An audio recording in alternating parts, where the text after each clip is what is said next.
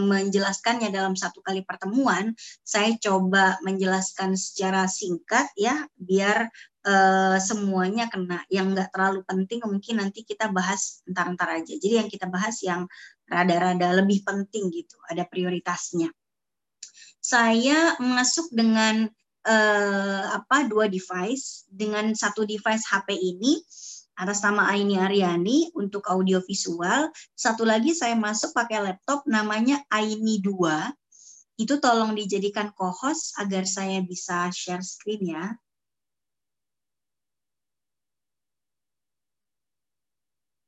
Saya belum bisa share screen ini dengan uh, laptop oh. saya. Tolong dijadi, dijadikan co-host dulu ya, Aini 2. Aini 2 ya Ustazah.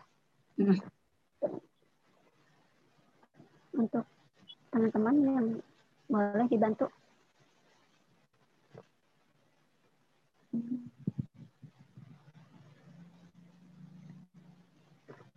Nah, kebetulan pesertanya alhamdulillah banyak saja jadi nyari-nyara. saya nggak pakai kamera ya, saya nggak pakai kamera di Aini 2. Saya pakai kamera yang ini aja.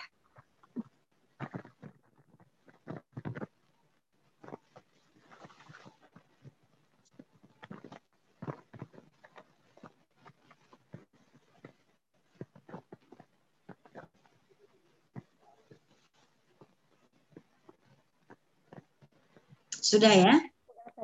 Oke, baik. Kita bahas hari ini berkaitan dengan hadas. Apa yang dimaksud dengan hadas? Apa jenis-jenisnya? Bagaimana cara uh, menyucikannya? Ya.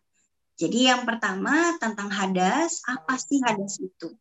Hadas itu secara bahasa sesuatu yang sebelumnya tidak ada menjadi ada. Tapi secara istilah intinya uh, dia itu status hukum. Dia status hukum yang ada pada seseorang yang membuat dia jadi tidak suci. Ya, artinya kalau ada orang sedang berhadas, berarti artinya dia sedang tidak suci. Kalau dia sedang tidak dalam keadaan suci, berarti dia tidak diperbolehkan untuk melakukan beberapa jenis ibadah seperti sholat, tawaf, dan lain sebagainya. Nah, dia itu adalah status hukum syari. Artinya nggak kelihatan secara fisik apakah dia itu sedang berhadas atau tidak. Yang tahu dia sedang berhadas atau tidak ya dirinya sendiri gitu. Di sini di antara 168 peserta yang ada di sini, saya nggak tahu nih siapa yang lagi berhadas, siapa yang enggak, siapa yang lagi hadas kecil, nggak punya wudhu, siapa yang berhadas besar, yang lagi haid, lagi nifas. Nah, itu saya nggak tahu gitu ya.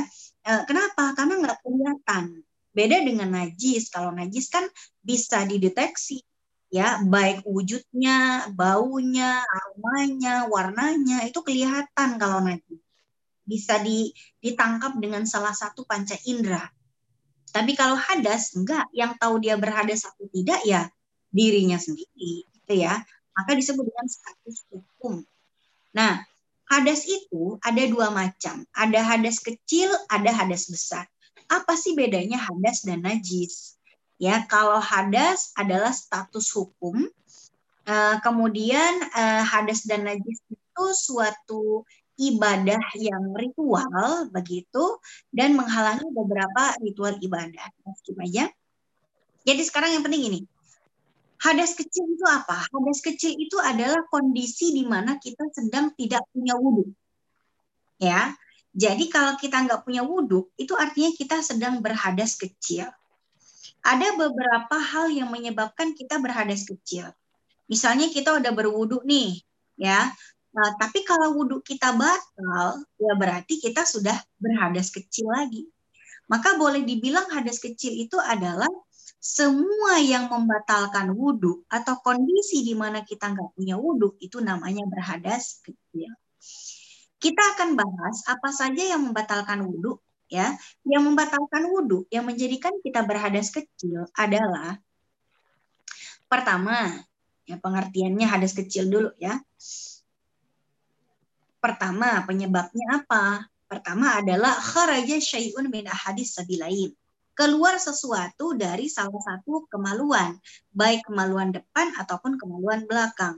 Kalau kemaluan depan itu seperti kencing, kalau kemaluan belakang itu seperti keluar tinja ya, buang air besar, uh, itu semuanya atau keluar kentut juga itu pokoknya keluar sesuatu baik itu benda cair, padat ataupun gas. Nah, itu menyebabkan kita berhadas kecil. Tapi kalau misalnya yang keluar itu adalah darah haid, darah nifas, ataupun bayi yang keluar, nah itu bukan hadas kecil lagi, nanti jadi hadas besar. Jadi contoh hadas kecil yang gampangnya nih kencing, buang air besar, kentut. Nah, itu yang paling umum terjadi ya. Terus bagaimana kalau misalnya ada orang yang ragu-ragu, dia kentut apa enggak? Misalnya habis wudhu dia mau sholat. Uh, dia habis wudhu, begitu dia pakai mukena, kok kayaknya pengen kentut nih. ya Atau misalnya di dalam sholat, dia lagi sholat, terus pengen kentut, tapi sayang-sayang sholatnya dibatalin, akhirnya dia tahan-tahan. Nah, begitu dia menahan kentut, pas lagi ruku ditahan, aman gitu ya. Pas lagi sujud ditahan lagi. Begitu duduk di antara dua sujud, kok kayaknya ini kentutnya nggak pengen nggak kerasa lagi. Apa ini kentutnya udah keluar atau jangan-jangan kentutnya kentutnya masuk lagi ke dalam perut gitu ya? Atau gimana ya? Nah, dalam kondisi ini apa yang dilakukan oleh teman-teman? bagi kita yang uh, bagi kita yang uh, apa sih namanya yang ragu-ragu apakah sudah keluar uh, atau belum ya kentutnya ini Nabi pernah ya pernah gitu ditanya oleh sah, apa para sahabat. Kemudian Nabi mengatakan Idza wajada ahadukum fi batnihi syai'an, kalau kalian itu mendapati di perut kalian tuh kayak ada yang mau keluar, tapi dia ragu-ragu, kentutnya udah keluar apa belum? Ya fa'ashkala, tapi dia iskal, dia ragu. Akhraja minhu syai'un amla, apakah keluar sesuatu darinya atau tidak? Fala yakhrujana minal masjid, maka hendaklah dia jangan keluar dari masjid Maksudnya jangan terburu-buru batalin sholatnya hatta yasma'a sautan aw yajidarihan sampai dia itu mendengar suara atau mencium baunya. Jadi teman-teman kalau misalnya ragu-ragu udah kentut atau belum, kita tidak merasa mengeluarkannya ya, tapi juga tidak merasa mendengar suaranya, tidak membaui baunya. Ya sudah, yakini saja bahwa kentutnya tidak keluar. Tapi kok nggak kerasa lagi? Tadi pengen kentut loh. Tapi tengah-tengah tiba-tiba tengah-tengah sholat kok kerasa ingin kentutnya tuh hilang begitu saja gitu ya. Ya sudah urusan rasa itu sudah pergi urusan dia urusan si kentut. Kenapa dia pergi tanpa dikeluarkan gitu kan hmm, salah dia sendiri gitu. Yang penting kalau kita tidak merasa mengeluarkannya dan tidak mendapat uh, ciri-cirinya seperti bau dan suaranya ya sudah the show must go on itu kan? Sholat tetap kita lanjutkan e, tidak perlu ragu-ragu lagi. Namun kalau kita betul-betul merasa mengeluarkannya ya kita merasa mengeluarkannya tapi hampir nggak ada bunyinya ya. Hampir tidak ada bunyinya tapi kita merasa ada angin yang kita keluarkan tapi nggak ada baunya nggak ada bunyinya apa artinya saya tetap sholat aja ya ya jangan kalau memang ngerasa ada yang keluar dan bahkan mengeluarkan dengan sengaja nah, tetap batal. Yang mentang-mentang kentutnya nggak bau dan nggak berbunyi, tiba-tiba merasa nggak batal gitu, tetap batal. Ya. Ini hadisnya hanya berlaku bagi mereka yang ragu-ragu apakah sudah keluar kentutnya atau belum, karena memang dia uh, tidak merasa mengeluarkannya. Kemudian yang kedua, hadis kecil itu diakibatkan oleh tidur, tidur yang menyender, entah itu nyender ke uh, tembok, nyender ke orang, ya pokoknya uh, menyender. Uh, kalau tidak nyender, duduk begitu saja tidak menyender tapi terkantuk-kantuk sampai kepalanya mangguk-mangguk gitu kan, nah, itu tidak masalah. Karena ini pernah kejadian juga di masa Nabi ya. E, para sahabat yang udah datang duluan nungguin Nabi nggak datang-datang, mereka udah keburu ngantuk karena itu sholat isya. Sehingga mereka itu sampai tahfukor usum kepalanya ngangguk-ngangguk gitu ya nungguin Nabi gitu kan. Tapi ternyata begitu Nabi masuk ke dalam masjid, Nabi tidak memerintahkan mereka untuk berwudhu lagi. Kenapa? Karena tidurnya itu nggak nyender. Ya, tidak nyender dan duduknya bersila uh, di atas uh, lantai, di atas lantai yang keras. Kalau duduknya di atas sofa yang empuk, nah itu harus wudhu lagi. Karena ada potensi dia goyang-goyang dan bisa saja mungkin dia kentut ketika dia tidur, uh, tapi tidak terasa. Jadi kalau posisinya duduk di atas lantai yang rata, kemudian dia tidak bersandar pada apa pun atau siapa pun, maka wudhunya bisa saja tidak batal ya. Nah, walaupun kepalanya mantuk-mantuk gitu ya, uh, ngangguk-ngangguk gitu. Kalau orang yang yang yang benar tuh ngangguknya ke depan ya, tapi kalau orang-orang diangkut ngangguknya bisa ke belakang, enggak gitu ya. Macem-macem. Oke, berikutnya adalah hilang akal. Kalau misalnya habis berwudu tiba-tiba hilang akal seperti pingsan atau mabok atau mohon maaf gila gitu ya, nah itu maka wudhunya tidak uh, apa wudhunya menjadi batal. Kemudian menyentuh kemaluan. Dalam satu hadis Nabi mengatakan, "Man masadza karahu falyatawadda." Laki-laki mana pun yang menyentuh zakarnya dengan telapak tangannya, maka wudhunya menjadi batal. Kemudian ayyuma imra'atin masat farjaha fal tatawadda. Barang siapa wanita yang wanita mana pun yang menyentuh uh, kemaluannya dengan telapak tangannya, maka dia harus berwudu kembali. Jadi kalau misalnya teman-teman habis mandi gitu, habis mandi kemudian berwudu, kemudian setelah berwudu uh, memakai celana dalam, lalu memakai celana dalamnya itu membuat telapak tangannya itu jadi menyentuh kemaluannya, nah itu batal wudhunya. Kalau menyentuh telapak tangan. Tapi kalau menyentuhnya itu dengan punggung tangan itu tidak batal. Yang batal hanya apabila menyentuhnya dengan uh, telapak tangan. Oke, okay. Uh, menyentuh area mana saja, ya kemaluan depan, kemaluan belakang. Batasannya apa yang membuat wudhu itu jadi batal? Nyentuh bagian yang mana? Kalau bagian depan itu di antara uh, area yang mohon maaf ya agak vulgar, biar nggak ada yang nanya lagi nanti. Area yang ditumbuhi bulu-bulu kemaluan sampai bawah lubang vagina. Kemaluan belakang itu maksudnya adalah lubang anus. Itu kalau sampai tersentuh dengan telapak tangan, maka batal uh, wudhu kita. Kemudian menyentuh kulit lawan jenis. Ini para ulama berbeda pendapat. Jadi kalau misalnya kita menyentuh kulit lawan jenis ya, misalnya sentuhan dengan suami atau suami orang atau satpam atau tukang bakso atau siapa pun, pokoknya menyentuh kulit e, lawan jenis yang bukan mahram, ini membatalkan wudhu dengan atau tanpa syahwat menurut pandangan madhab syafi'i. Tapi, tapi kalau misalnya uh, kalau misalnya dia itu tidak tidak apa sih namanya ya? Kalau misalnya dia itu tidak uh, apa sih? Uh, tidak mengikuti madhab syafi'i gitu kan. Dalam madhab yang lain memang ada yang mengatakan tidak batal kalau tanpa syahwat. Tapi dalam madhab syafi'i dengan atau tanpa syahwat itu batal jika persentuhannya itu kulit dengan kulit langsung tanpa penghalang. Kalau suaminya misalnya menyentuh kulit istrinya, tapi kulit istrinya itu terbungkus baju, nah seperti ini ya, ini tidak batal. Tapi kalau misalnya uh, suami menyentuhnya di, di area yang tidak terbungkus oleh kain, langsung kulit dengan kulit, maka menjadi batal. Kecuali kalau yang disentuh oleh suaminya itu adalah uh, anggota tubuh yang enggak ada yang enggak ada kulitnya, seperti rambut. Kalau yang disentuh rambut atau kuku, nah itu enggak batal. Tapi kalau tersentuh kulit, nah itu batal menurut pandangan madhab syafi'i. Kemudian berikutnya, larangan-larangan atau hal-hal yang tidak yang tidak uh, diperbolehkan atau tidak sah dilakukan, uh, tidak sah dilakukan kalau tidak punya wudhu. Nah, itu pertama adalah sholat, ya. Tidak tidak bisa sholat atau tidak sah sholat apabila tidak punya wudhu. La sholat lima la wudhu alahu. Tidak sah sholat seseorang apabila dia tidak uh, punya wudhu. Kemudian yang kedua larangannya adalah menyentuh mushaf. Tidak boleh kita menyentuh mushaf kalau tidak punya wudhu. Ya, Allah yamassal Qur'ana illa tahir.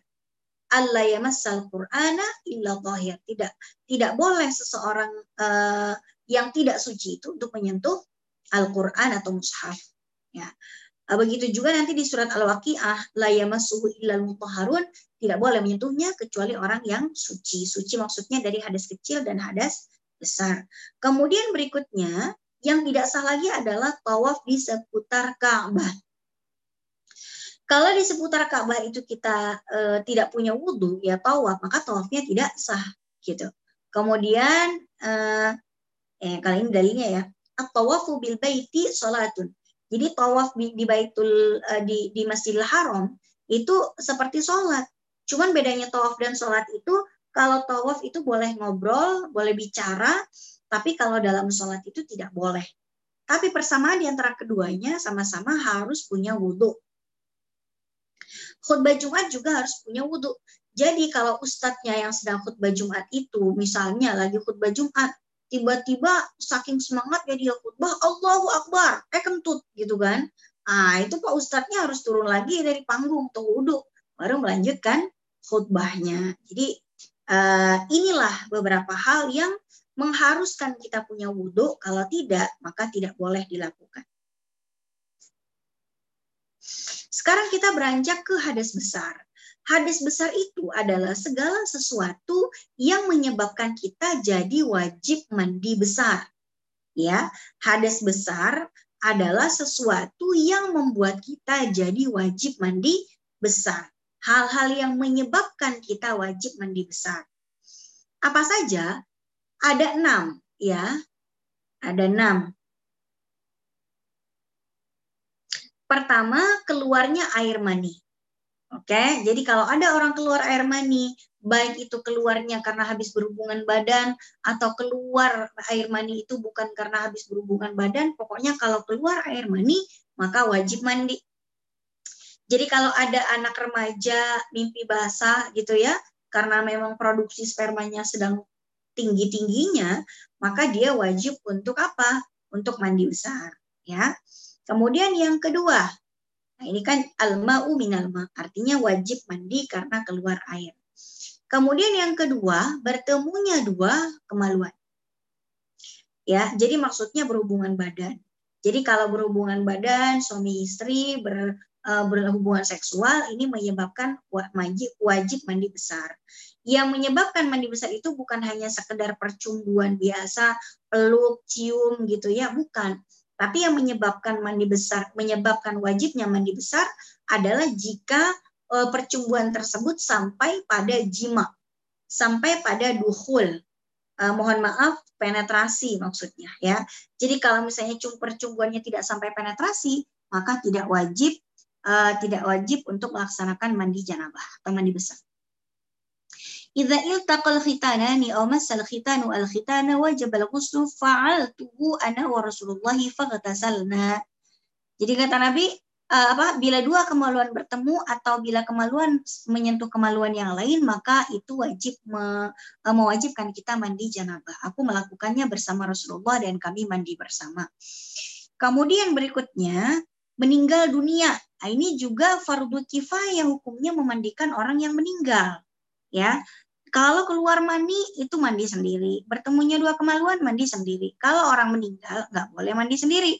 Orang meninggal itu dimandiin orang. Karena orang meninggal nggak boleh mandi sendiri. Kalau orang meninggal mandi sendiri nggak jadi meninggal, nggak jadi takziah kita, ya. Oke, keluar mani bertemunya dua kemaluan dan meninggal ini bisa dialami oleh baik laki-laki ataupun perempuan. Sementara ada tiga lagi hal, tiga hal yang lain selain ini ada lagi tiga hal lainnya yang hanya terjadi pada perempuan saja, yaitu apa? Haid, haid, kemudian nifas, kemudian eh, apa sih namanya melahirkan, ya. Jadi haid, nifas dan melahirkan ini mewajibkan kita mandi janabah ya. Idza aqbaladil haidu fada'i salata fa idza dhahaba qadaruha uh, fangsili anki ad-dam jadi kata Nabi apabila haid sudah tiba tinggalkan sholat. Kalau udah selesai haidnya maka disuruh mandi dan melaksanakan sholat lagi. Ya jadi haid nifas dan melahirkan. Ini dibedakan antara nifas dan melahirkan ya. Jadi orang melahirkan uh, belum tentu nifas jadi melahirkan itu maksudnya eh, keluarnya bayi itu menyebabkan dia wajib mandi. Walaupun setelah keluar bayi nggak keluar dari nifas. Ada nggak sih orang kayak gitu? Ya mungkin ada, tapi jarang. Kalau ada, ya dia tetap wajib mandi karena melahirkan, walaupun dia tidak mengalami nifas. Tapi kalau ada orang habis melahirkan, terus langsung nifas, ya nanti aja mandinya kalau nifasnya udah selesai, ya. Oke, haid, nifas, dan melahirkan ini hanya terjadi pada perempuan. Kalau ada laki-laki ganteng, maco gitu kan, oh, gagah gitu, eh tiba-tiba keluar darah haid, ah, berarti itu laki-laki jadi-jadian. Oke. Nah, sekarang mengangkat hadas ya. Apa saja yang uh, perlu kita ketahui tentang mengangkat uh, hadas ini. Ya, mengangkat hadas besar, mengangkat hadas kecil. Mengangkat hadas itu dengan air pastinya. Kalau tidak ada air maka dengan uh, tayamu. Ya, sekarang cara mengangkat hadas kecil. Cara mengangkat hadas kecil itu dilakukan dengan berwudu. Tata cara berwudu itu disebutkan di dalam surat Al-Maidah ayat 6 dan dilengkapi oleh hadis-hadis lain sebagai penyempurna. Ya, jadi yang wajib kena air pada saat wudhu itu sebetulnya hanya empat anggota tubuh saja yang disebutkan di dalam surat Al-Maidah ayat 6. Maka di sini ketika Allah berfirman, hai orang-orang yang beriman, kalau hendak mengerjakan sholat, maka apa? Fagsilu wujuhakum. Maka cucilah wajah kalian wa aidiyakum ilal marfiq dan juga membasuh eh, tangan sampai siku termasuk sikunya wamsahu birusikum dan usaplah sebagian kepala. Sebagian kepala itu nanti uh, bisa saja hanya dengan satu helai rambut itu sudah mewakili sebagian kepala. Kemudian wa arjulakum ilal ka'bain. Wa itu artinya basuhlah kaki kalian sampai mata kaki, ya. Jadi yang dibasuh itu adalah wajah, tangan, dan kaki. Sedangkan yang diusap adalah sebagian kepala. Apa bedanya membasuh dan mengusap? Membasuh itu artinya me mengalirkan air langsung, kena ya. Jadi wajah itu langsung dikasih air, tangan langsung dikasih air. Kalau mengusap itu cuma tangan dibasahi terus diusapkan saja. Nah, itu namanya mengusap ya. Maka di sini tata cara berwudu pertama berniat ya, berniat dulu niatnya apa? Oh saya mau berwudu ya Allah. Niat itu adalah qasdu syai'i muqtarinan bi ya qasdu syai' muqtarinan bi maksudnya apa? E, ketika kita ingin untuk melakukan suatu e, ritual untuk menghilangkan hadas kecil. Pokoknya dalam hati ya Allah ini saya mau berwudu gitu. Saya mau berwudu. Nah tapi kalau misalnya saya ingin melafatkan niat saya e, gimana niatnya? Oh nawaitul wudu'a li raf'il hadatil asghar fardan lillahi ta'ala. Atau nawaitul wudu'a li raf'il hadatil asghari lillahi ta'ala. Nggak pakai fardon nggak apa-apa. Artinya apa? Ya Allah saya berniat untuk berwudu untuk menghilangkan hadas kecil karena Allah Ta'ala. Itu ya. Nah, jadi kalau mau dilafatkan silakan, tapi kalau nggak hafal nawaitunya nggak apa-apa, niatnya cukup di dalam hati. Teman-teman yang ingin bertanya boleh langsung ditulis di chat room ya. Jadi biar saya tahu kira-kira uh, sudah ada berapa pertanyaan gitu ya. Silakan ditulis aja di chat room. Oke. Okay. Baik, yang kedua adalah membasuh wajah. Ya, membasuh wajah gitu.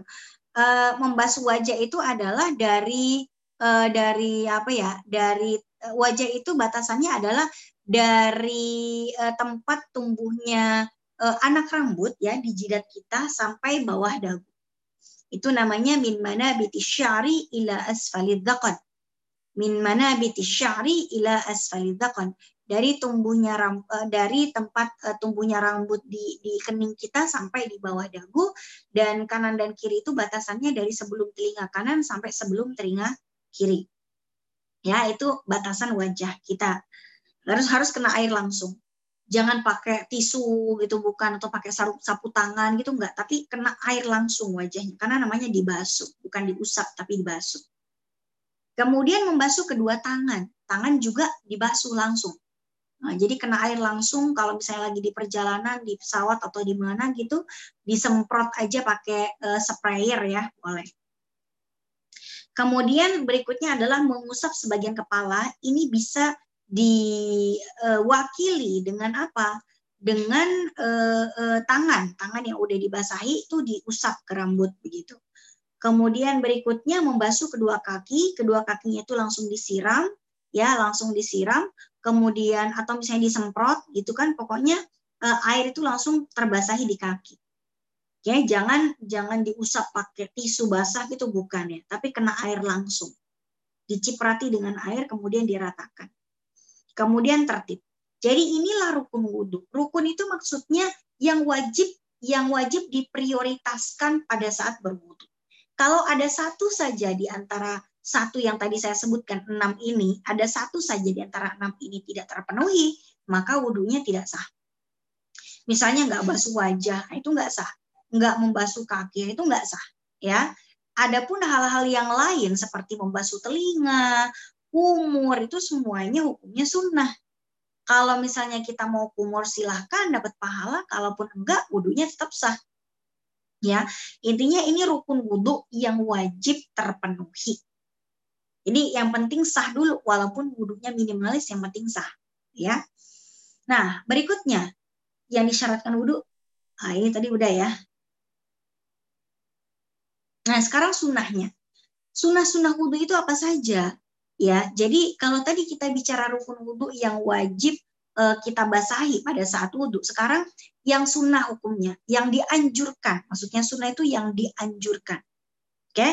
kalau kita lakukan maka wudhu kita lebih sempurna. Kalaupun enggak, ya enggak ada masalah juga. Pertama, yang pertama adalah mencuci tangan. Mencuci tangan itu maksudnya ketika kita mau wudhu, cuci tangannya dulu, gitu kan? Kemudian berikutnya adalah membaca bismillah, bismillahirrahmanirrahim. Kemudian setelah itu kita berkumur, kumur-kumur dulu gitu kan. Uh, kemudian setelah berkumur-kumur, istinsyak dan istinsar. Istinsyak itu memasukkan air ke dalam hidung sampai pangkal hidung sini. Untuk pemula biasanya akan kesulitan, tapi kalau udah terbiasa insya Allah enggak. Kemudian istinsar itu mengeluarkannya lagi. Ya, kemudian sikat gigi atau bersiwak. Ya kalau di masa Nabi itu bersiwak. Maka kata Nabi laula an ala ummati la amartuhum eh, bisiwaki kulli wudu. Kalau saya itu tidak memberatkan umat saya saya pengen banget mewajibkan siwak terhadap siapa? Ya terhadap mereka gitu ya. Jadi bersiwak itu merupakan suatu keharusan.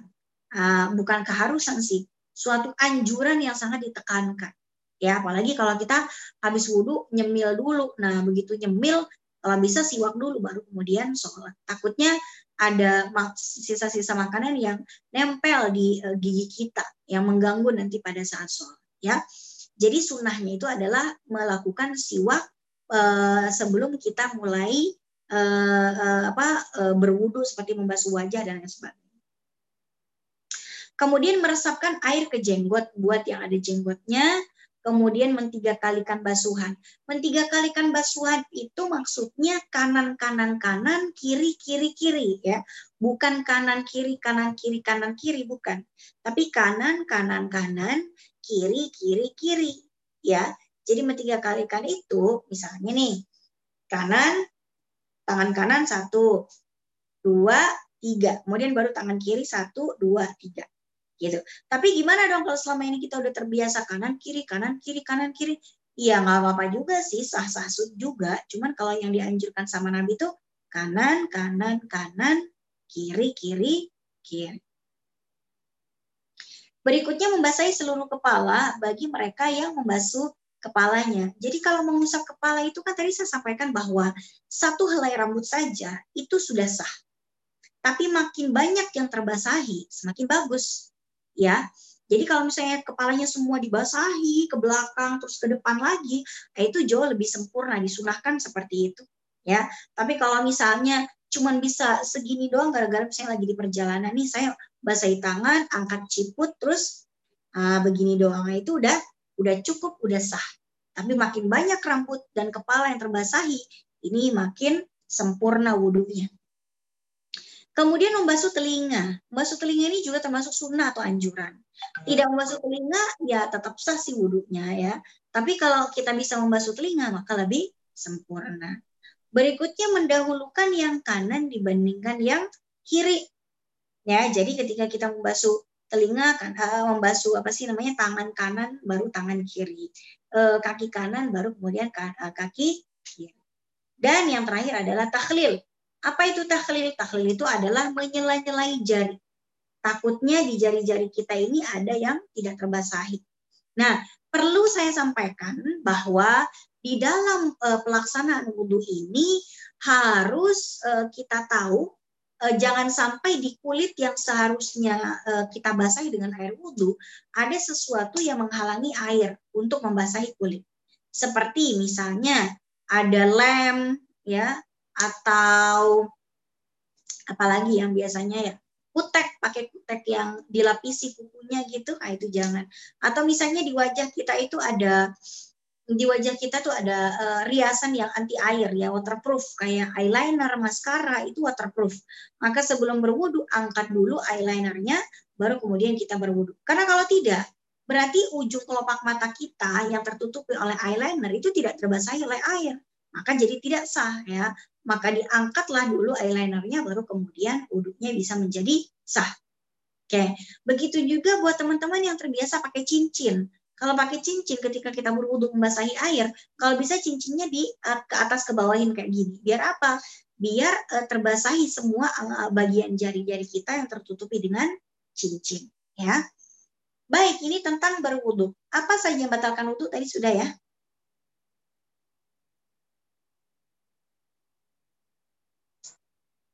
Ini tadi udah. Nah, bagi mereka yang sedang berhadas besar sekarang, Tadi kan kita udah selesai bicara tentang hadas kecil, ya. Kemudian sekarang kita bicara tentang hadas besar. Kalau pada saat hadas kecil itu yang terlarang itu cuma empat perkara. Kalau dalam hadas besar itu ada beberapa perkara. Bagi yang berhadas besar itu tidak boleh sholat, tidak boleh sujud tilawah, tidak boleh berpuasa, ya. Kemudian tidak boleh tawaf. E, jadi maksudnya ketika dia berpuasa tidak boleh melakukan hal-hal yang berhadas yang, yang menyebabkan hadas besar ya. Tawaf, kemudian sa'i juga tidak boleh. Kalau di masa Nabi, Nabi membolehkan Aisyah untuk sa'i pada saat haid. Kenapa? Karena di masa Nabi, area sa'i, area sa'i itu Safa dan Marwah, itu belum menjadi bagian dari masjid. Kalau sekarang, Safa dan Marwah tempat kita sa'i itu sudah menjadi bagian dari Masjidil Haram, ya, sudah jadi bagian dari masjid dan tidak boleh orang haid untuk sa'i. Kenapa? Karena kalau dia sa'i artinya dia masuk ke dalam masjid. Padahal masuk ke dalam masjid itu terlarang bagi orang yang berhadas besar. Kemudian menyentuh mushaf, melafatkan Al-Quran, ya masuk masjid. Inilah beberapa hal yang tidak boleh dilakukan oleh orang yang berhadas besar. Apa pun sebab hadas besarnya. Misalnya hadas besarnya karena haid, atau hadas besarnya karena habis berhubungan badan, atau karena habis keluar air mani, ini semuanya tidak boleh dilakukan uh, bagi mereka yang berhadas besar. Ya. Kemudian kalau misalnya yang bagi wanita yang haid dan nifas itu ada tambahannya. Larangan bagi mereka yang uh, haid dan nifas itu tambahannya apa? Tidak boleh berjima, tidak boleh berhubungan badan dan tidak boleh diceraikan. Ya, tidak boleh diceraikan. Wanita haid itu tidak boleh diceraikan. Kalau suaminya menceraikan, maka suaminya berdosa. Cerainya tetap jatuh tetap terjadi, tapi suaminya berdosa. Ya, karena apa? Karena dia sengaja menceraikan istri pada saat haid. Kalau dia tidak tahu istrinya lagi haid lalu dia jatuhkan talak, maka dia harus segera merujuk istrinya sebagaimana yang terjadi di masa lalu ada Abdullah bin Umar yang menceraikan istrinya pada saat haid lalu ditegur oleh Nabi, Nabi mengatakan kepadanya, "Murhu falyuraji'ha." Sampaikan pada Abdullah bin Umar agar segera merujuk istrinya kembali. Ya. Sekarang bagaimana tata cara mandi janabah yang benar ya? Rukun mandi janabah yang benar sekarang. Rukun, rukun itu tadi sudah saya sampaikan ya. Rukun itu artinya yang harus kita lakukan. Gitu, yang harus kita lakukan. Kalau sampai ada satu di antara rukun tidak dipenuhi, maka mandi janabahnya tidak sah. Pertama, itu niat. Jadi bedanya mandi besar dengan mandi biasa, itu poinnya adalah di niat ya diniat. Kalau mandi biasa kita lagi mandi, kita lagi keramas, kita lagi apa gitu kan? Ah, itu uh, itu bukan mandi besar namanya. Mandi untuk menghilangkan keringat, menghilangkan kotoran di badan, itu mandi biasa. Ya bikin badan wangi gitu kan. Ah, itu mandi biasa. Kalau mandi besar itu harus pakai niat. Niatnya apa? Ya udah dalam hati, tinggal niatkan dalam hati ya Allah ini saya mau mandi karena ingin menghilangkan hadas besar. Udah itu udah cukup. Begitu saya, misalnya kita mau pegang handuk ya, ambil handuk, buka pintu kamar mandi, ya Allah ini saya mau mandi besar nih, gitu kan? Itu namanya niat untuk menghilangkan hadas besar. Nah, kalau mau dilafatkan gimana? Nawaitul ghusla birafil hadatsil akbari an jami'il badani lillahi ta'ala. Saya niat untuk menghilang untuk mandi menghilangkan hadas besar karena Allah Ta'ala. Kalau nggak hafal nawaitunya gimana? Ya udah, yang penting niat dalam hati saya ingin ini saya mandi untuk menghilangkan hadas besar ya Allah, gitu ya. Ini untuk menghilangkan hadas besar. Baik, kemudian yang kedua imrarul ma'alal bashar. Meratakan air ke seluruh tubuh, ke seluruh bulu yang ada. Ya, pokoknya seluruh kulit kita itu terbasahi dengan air. Rambut atau bulu-bulu yang ada di badan itu terbasahi semua. Nah, gitu. Mau yang dicuci kaki dulu baru kepala, mau kepala baru kaki, mau perut dulu baru kaki, baru kepala. Pokoknya air itu ter membasahi rata ke semua kulit yang ada uh, di badan kita, semua kulit dan semua bulu dan rambut yang ada di badan kita itu terbasahi semua oleh air. Udah itu doang sih rukunnya. Jadi kalau teman-teman misalnya habis berhubungan badan di malam hari, lalu kemudian terbangun uh, di akhir waktu subuh, daripada mandinya itu terlalu lama, biur biur biur aja penting basah semua biar bisa sholat subuh di dalam waktunya. Jangan sampai waktu subuh itu keburu ke jangan sampai matahari keburu e, nongol gitu ya. Gara-gara keasikan mandi janabah. Gara-gara keasikan mandi besar. Mandinya yang penting biur aja semua basah selesai ya. Nah ini tentang rukun mandi. Mandi yang paket hemat. Ini mandi yang minimalis yang penting sah gitu. Tapi kalau kita tidak sedang dikejar-kejar waktu, santai waktunya gitu kan, ya udah kita sempurnakan aja mandinya.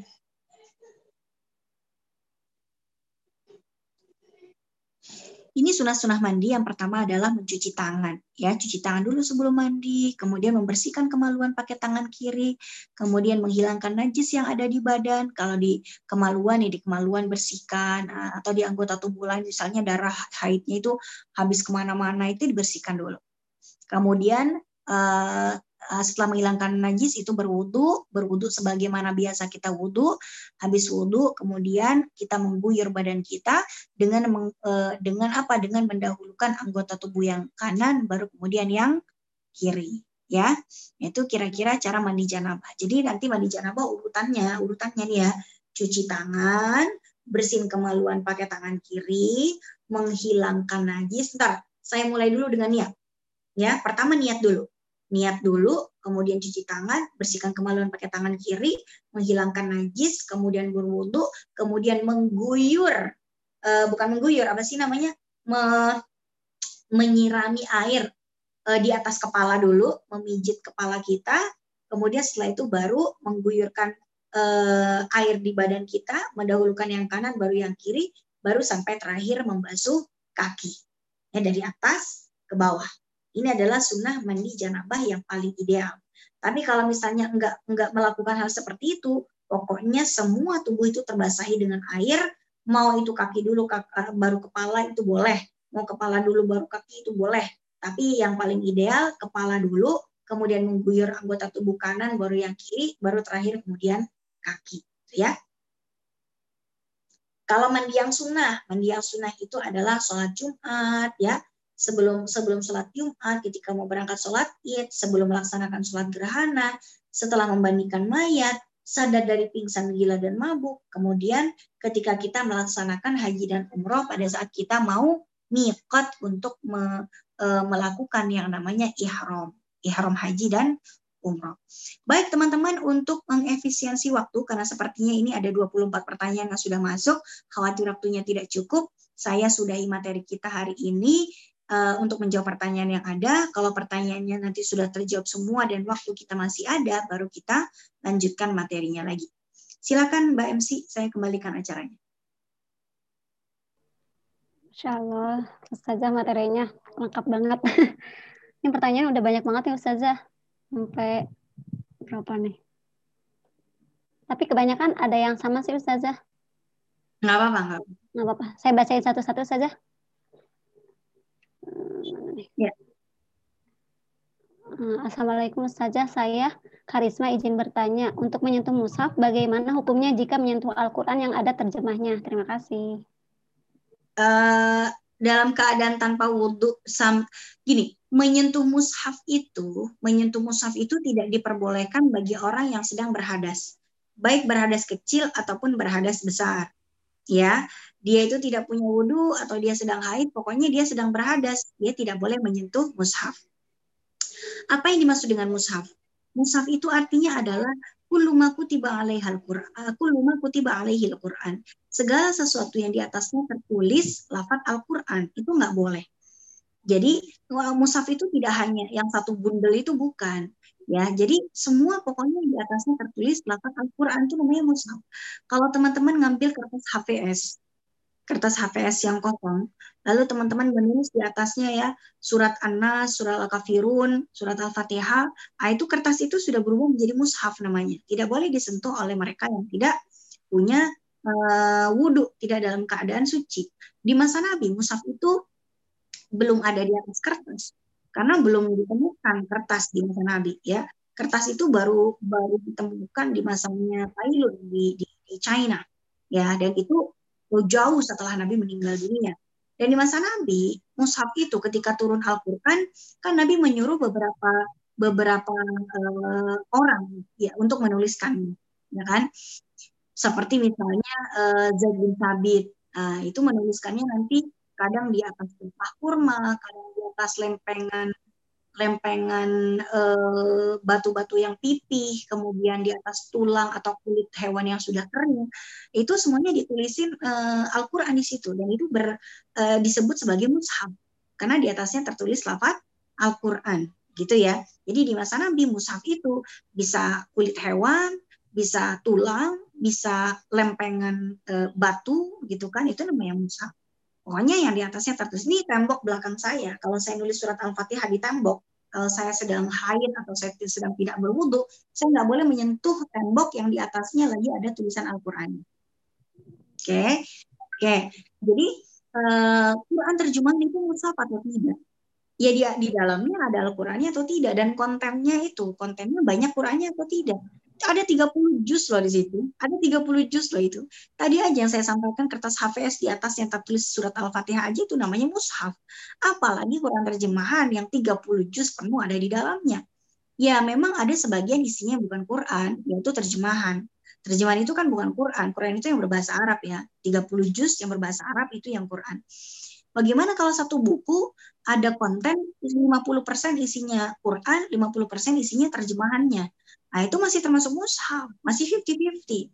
Yang bukan yang bukan mushaf tuh misalnya tafsir, kitab tafsir. Tahu teman-teman ya kitab, tafsir ya. Kitab tafsir itu tafsir Al-Qur'an, misalnya kita uh, tafsir Al-Munir itu terdiri dari puluhan jilid. Karena satu jilid itu mungkin hanya menjelaskan surat Al-Baqarah dari ayat 1 sampai ayat 30 eh, gitu ya. Cuman menjelaskan 30 ayat doang, penjelasannya sampai ratusan halaman. Nah, itu namanya tafsir. Ya, hmm. kalau masih terjemahan doang, ya itu masih mushaf, itu masih ada kontennya itu masih 50-50 gitu Ya. Tak hmm. kalau mau teman-teman eh, apa sih nama kayak juz amma, juz amma itu mushaf atau tidak? Juz amma itu eh, isinya juz 30 sama terjemahannya, itu masih mushaf gitu. Kecuali kalau di dalamnya ada banyak ada banyak eh, apa sih namanya ada banyak penjelasan lain yang bukan Quran. Ada kisah-kisah ada ilmu tajwidnya ya penjelasan tentang ilmu tajwid ada siroh-siroh ada cerita ini cerita itu gitu kan. Banyakkan ceritanya banyakkan penjelasannya daripada konten Quran itu sendiri. Nah itu mungkin masih bisa ditolerir untuk disentuh ya. Jadi hmm. itu masih termasuk mushaf Quran terjemahan jangan disentuh kecuali kita punya wudhu dan pastikan kita tidak dalam kondisi haid. Berikutnya. Ada ini. Saya uh, Mbak saya bacakan dulu konten yang yang direct message ya, yang hanya saya bisa baca sendiri ya. Oh iya boleh saja. Uh, karena private ini kayaknya. Iya. Uh, dari seseorang, saya tidak sebut namanya ya, namanya juga direct message, masa saya sebut namanya. Uh, Pertanyaannya adalah, saya mau tanya, air mani itu seperti apa? Apakah keluar cairan bening seperti lendir termasuk air mani? Jadi air mani itu, mani itu mim nun ya, mani, gitu ya, bukan M O N E Y, nah, itu mani yang lain. Nah, itu ya, mani yang lain berbelanja itu. Jadi mani itu mim nun ya, maniun ya. Jadi lendir yang keluar dari kemaluan, khususnya wanita ya, kalau buat laki-laki jenis lendirnya terbatas. Karena bapak-bapak tidak mengalami keputihan kayaknya ya. Mana ada bapak-bapak keputihan. Jadi kita bicara tentang lendir yang keluar dari kemaluan perempuan. Itu ada beberapa. Um, ada ya saya sebutin empat di antaranya. Empat macam lendir yang keluar dari perempuan. Pertama namanya rutubah. Rutubah itu adalah cairan bening yang lengket, bening warnanya, tapi dia bukan berwarna putih susu.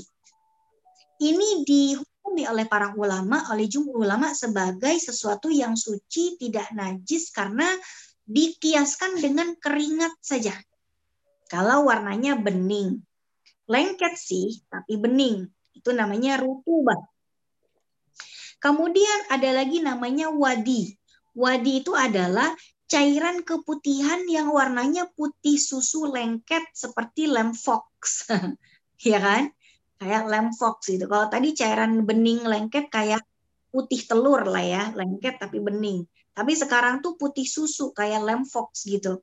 Nah, itu namanya wadi. Wadi ini kalau keluarnya berlebihan itu bisa berstatus sebagai najis dan mengganggu keabsahan sholat kalau itu keluar di dalam sholat. Tapi kalau keluarnya wajar-wajar saja, hanya ke titik dua titik, maka itu termasuk najis yang makfuun anhu atau termaafkan. Sehingga tidak menyebabkan batalnya wudhu ataupun batalnya sholat. Kenapa? Karena terlalu sedikit sekali, sulit untuk dihindari, dan tidak bisa dikontrol dan dikendalikan oleh kita. Dan hampir semua wanita mengalaminya. ya Nah, tapi kalau berlebihan, over, nah itu bisa jadi menyebabkan batalnya wudhu dan batalnya sholat. Berikutnya, uh, ada yang namanya madhi. Kalau tadi wadi, sekarang madhi. Mim, zal, ya. Madhi itu adalah cairan lendir, uh, cairan lendir yang keluar dari kemaluan seorang perempuan karena terdorong oleh syahwat. Ya, misalnya seorang istri yang sedang dicumbui oleh suaminya, lalu keluarlah madhi, kalau kalau uh, biasanya disebut sebagai cairan pelumas gitu ya. Cairan pelumas alami seorang wanita kalau habis dicumbui dan ter uh, syahwatnya itu keluar untuk mempersiapkan dirinya uh, dijima oleh suaminya ya. Buat yang sudah menikah pasti tahu, buat yang belum menikah nanti tahu sendiri ya itu namanya cairan pelumas disebut dengan madhi. Madhi ini dia najis tapi hanya menyebabkan uh, hadas kecil, ya menyebabkan hadas kecil, tapi tidak menyebabkan hadas besar, sehingga dia tidak wajib mandi. Misalnya cuma dicumbuin, cuma dipeluk, dicium, diapain sama suaminya, lalu dia terangsang. Keluar lendirnya, itu dia batal wudhunya, ya pastilah batal orang dicumbuin, tapi intinya dia tidak wajib mandi. Gitu ya. Ah, yang wajib mandi adalah jika keluar cairan yang nomor empat yaitu cairan mani. Cairan mani itu keluarnya adalah almaul ladzi yakhruju bitadaffuq. Jadi air mani itu keluarnya sekali pancaran. Karena ketik karena dia sudah mencapai uh, kenikmatan syahwat yang klimaks. Kalau kalau kita mungkin menyebutnya uh, kalau laki-laki disebut orga eh, ejakulasi ya, kalau perempuan disebut orgasme. Nah, ketika seorang perempuan mengalami yang namanya orgasme, keluar cairan, cairannya itu kalau air mani itu hmm, uh, cairan putih susu lah, tapi nggak sampai seputih susu, nggak sampai. Tahu air tajin nggak? Tahu ya? Bekas nyuci beras, oh, kayak gitu. Tidak seputih susu, tapi tidak sebening air. Nah, kira-kira kayak air tajin. Ya, bekas cucian beras, tapi dia lengket. Nah, kemudian dia keluarnya sekali pancaran. Kalau madhi tadi, keluarnya sedikit, sedikit, sedikit gitu ya. Uh, pokoknya begitu syahwat keluar, begitu syahwat keluar, itu madi. Kalau mani enggak, begitu dia sampai pada puncaknya, set keluar satu pancaran gitu kan? Satu pancaran keluar keluar keluar bisa sekali dua kali tiga kali tapi dalam waktu yang singkat dengan jeda yang tidak terlalu lama. Itu namanya air mani ya. Mani itu dialami laki-laki ataupun perempuan oke?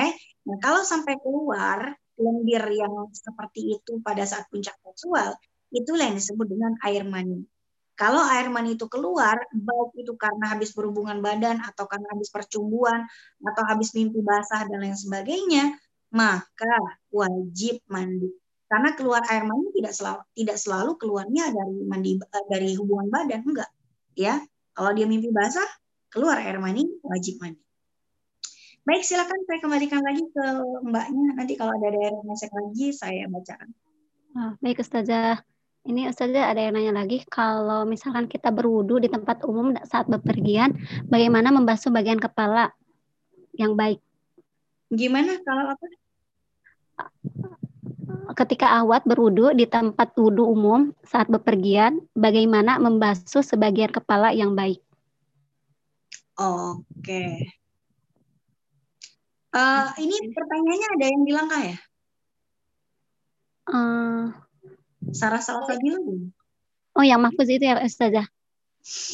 Masih tentang Quran tadi Ustazah? Ya, ketika ingin membuka mushaf itu tidak ketika perlu karena sebenarnya terletak di lauhul mahfuz.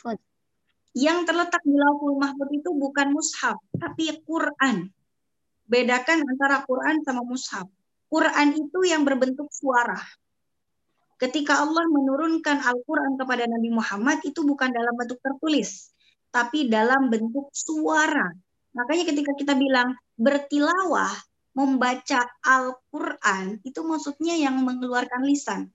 ya. Jadi Quran itu yang dalam bentuk suara. Tapi mushaf itu yang dalam bentuk tulisan, menuliskan suara. Menuliskan suara Al-Quran itu namanya mushaf ya kalau suara itu nggak bisa dipegang maka kita tidak bisa menyentuh Quran itu nggak bisa. Kita menyentuh mushaf ya. Jadi tetap menyentuh mushaf itu pakai apa? Pakai wudhu dengan beberapa dalil dalam Al-Quran. Hadis banyak yang tadi sudah kita bahas. Baik berikutnya. Berikutnya yang ini saja. Hmm, ketika seorang ahwat berwudhu di tempat wudhu di tempat wudhu umum saat berpergian. Bagaimana membasuh sebagian kepala yang baik? Membasuh ke kepala pada saat traveling gampang. Tangan kita tinggal dibasahi dengan air, ciputnya tinggal diangkat sedikit nih. Saya udah dapat beberapa helai rambut. Satu helai saja itu sudah memenuhi syarat. Ya. Oke, baik. Oh ya ingin saya saya ingin me, merevisi tadi ya ketika saya mengatakan bahwa Al-Qur'an itu Allah turunkan dalam bentuk suara, maksudnya suaranya malaikat Jibril ya. Jangan sampai teman-teman punya pikiran oh Allah ada suara dong. Jangan, nggak boleh ngomong kayak gitu. maksudnya melalui suaranya malaikat Jibril karena melalui perantara malaikat Jibril ya. Baik, teman-teman eh, membasuh bagian kepala itu maksudnya tangan ya eh, dibasahi kemudian eh, kena rambut satu rambut cukup makin banyak makin bagus jadi jangan sampai di atas kerudung diginiin gitu ya enggak membasahi rambut mengusap rambut ya bukan mengusap kerudung kan oke berikutnya. Berikutnya nih uh, kalau misalnya kita sudah berwudu ketika sholat maghrib nah kita jaga wudhu sampai isya. Tapi karena satu satu dan hal lainnya isanya terlalu malam. Lebih baik kita wudhu lagi atau tidak? Itu padahal kita udah menjaga wudhu nih Ustazah. Saya yakin gitu masih terjaga apa harus wudhu lagi apa enggak jadi wudhu itu ya satu buat wanita yang suci yang tidak istihadah istihadah itu tahu ya orang yang keluar darah terus-terusan tapi bukan haid ya pokoknya kita lagi normal di dalam keadaan normal satu kali wudhu itu bisa berkali-kali sholat kalau wudhunya belum batal. Misalnya saya wudhu jam 12 untuk sholat zuhur. Saya sholat zuhur nih, kemudian ketika saya sholat zuhur, saya jaga itu wudhu. Saya nggak pipis, saya nggak uh, kentut, saya nggak menyentuh yang bukan mahram. Uh, pokoknya nggak batal wudhu saya sampai jam 4. Boleh nggak saya sholat asar tanpa berwudhu lagi? Boleh. Kenapa? Karena wudhunya masih ada tadi belum batal it's okay nggak nggak ada masalah gitu kan uh, dan kalau misalnya saya berwudhu lagi itu tentu lebih bagus ya memang disunahkan kita melakukan namanya tajdidul wudhu memperbaiki wudhu itu disunahkan tapi nggak wajib kalau wudhunya masih ada nggak ada masalah sampai nanti maghrib masih ada wudhunya sampai insya ada wudhunya gitu ya jadi dia sholat zuhur asar maghrib isya dengan satu kali wudhu nggak apa-apa dengan syarat wudhunya belum batal. Tapi sebaiknya wudhu ulang kalau memungkinkan dan tidak memberatkan. Oh ya kemarin ada yang gini ya, kalau kita lagi safar, bisa nggak di rumah kita wudhunya berkali-kali? Dia bilang, wudhu aja tiga kali. sekali kentut masih ada cadangan oh, gitu. Ah itu yang tuh. kayak gitu. Udah 10 kali, kentut sekali batal semua. Iya, baik. Ya, baik. saja lanjut ya. Ini dari Mbak Anissa. Uh, kalau misalkan niat wudhunya hanya membaca basmalah, apakah sudah sah Ustazah? Basmalah itu bukan niat. Basmalah itu adalah salah satu kesunahan di dalam wudhu ya. Niat itu di dalam hati. Ketika dia bilang, ya Allah ini saya mau wudhu ya. Bismillah deh gitu kan. Ya itu udah wudhu, eh udah niat. Niat itu yang ada di dalam hati. Oke. Okay? Jadi niat itu di dalam hati. Sedangkan yang kita bilang nawaitul wudu'a, nawaitul wudu'a itu melafaznya. Istilahnya itu dalam bahasa Arabnya adalah full bin.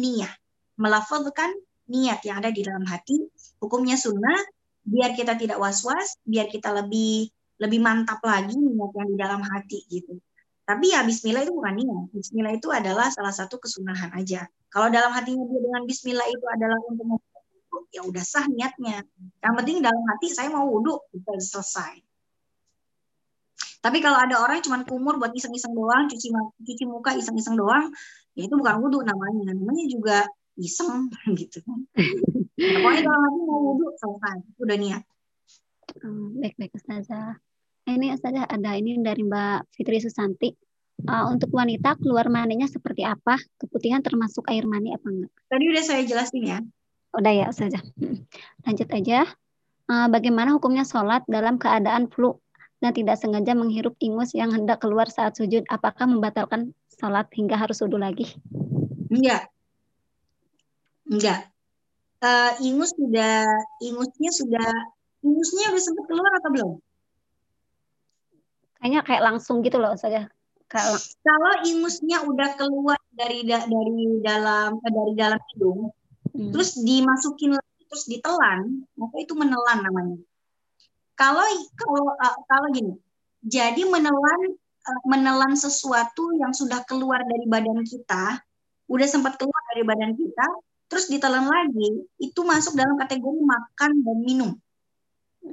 Ya, misalnya kalau kita menelan ludah yang belum keluar dari mulut kita, air ludah, air liur yang diproduksi oleh rongga mulut kita, kita telan, hmm, gitu kan? Itu nggak batal. Atau ingus yang masih di dalam hidung belum keluar nih, terus kita senggerak, senggerak itu apa ya? Gitu ya. Nah, terus kita telan gitu kan? Nah, itu nggak batal karena menelan sesuatu yang diproduksi oleh tubuh kita sendiri dan kemudian apa? Dan kemudian e, ditelan lagi. Ada kemudian ditelan. Belum keluar. Yang hmm. masalah kalau udah keluar, contoh nih, air liurnya menetes keluar. Eh kemudian dimasukin lagi ditelan, nah itu batal. Hmm. Dimasukin pas lagi pas lagi sholat ya, lagi sholat nih ya, saking enaknya gitu ya imam eh ngiler dia eh dijilat air liurnya ditelan nah itu batal karena dia sempat keluar dari mulut hmm. atau misalnya uh, ingus sempat keluar kalau udah keluar dia masukkan ke hidung dan dia telan nah menelannya itu itu yang bikin batal tapi kalau belum sempat keluar dari hidung dia telan nggak apa-apa jadi pastikan belum keluar telan sebelum keluar Oke, baik. Oke, selanjutnya Ustazah. Ini masih tentang keputihan. Tadi sudah dijelaskan ya Ustazah? Masuk hadas kecil ya, apa keputihan, enggak? Keputihan masuk hadas kecil kalau dia over dan banyak.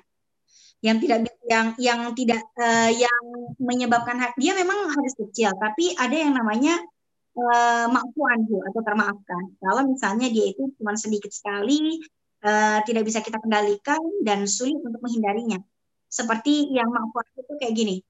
Darah itu kan najis ya. Tapi kalau darah itu ada di sisa-sisa serat daging kambing yang kita makan pada saat kita makan sate kambing ya. Sate kambing itu kan di dalamnya masih ada serat-serat dagingnya. Tapi sedikit dan sulit untuk dihindari. Itu namanya mafu. Nah, karena sulit dihindari, sangat sedikit dan hampir semua wanita mengalaminya. Tapi kalau banyak over, nah itu yang eh, kita disuruh berhati-hati dengan itu. Kalau keluarnya banyak itu kan, ah, sebaiknya wudhu lagi dan ganti celana dalam.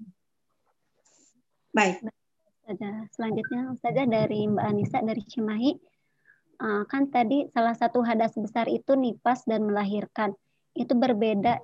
Jadi maksudnya setelah melahirkan saat mandi itu mandinya langsung mandi besar apa mandinya digabung sama setelah nifas Ustazah hukumnya gimana?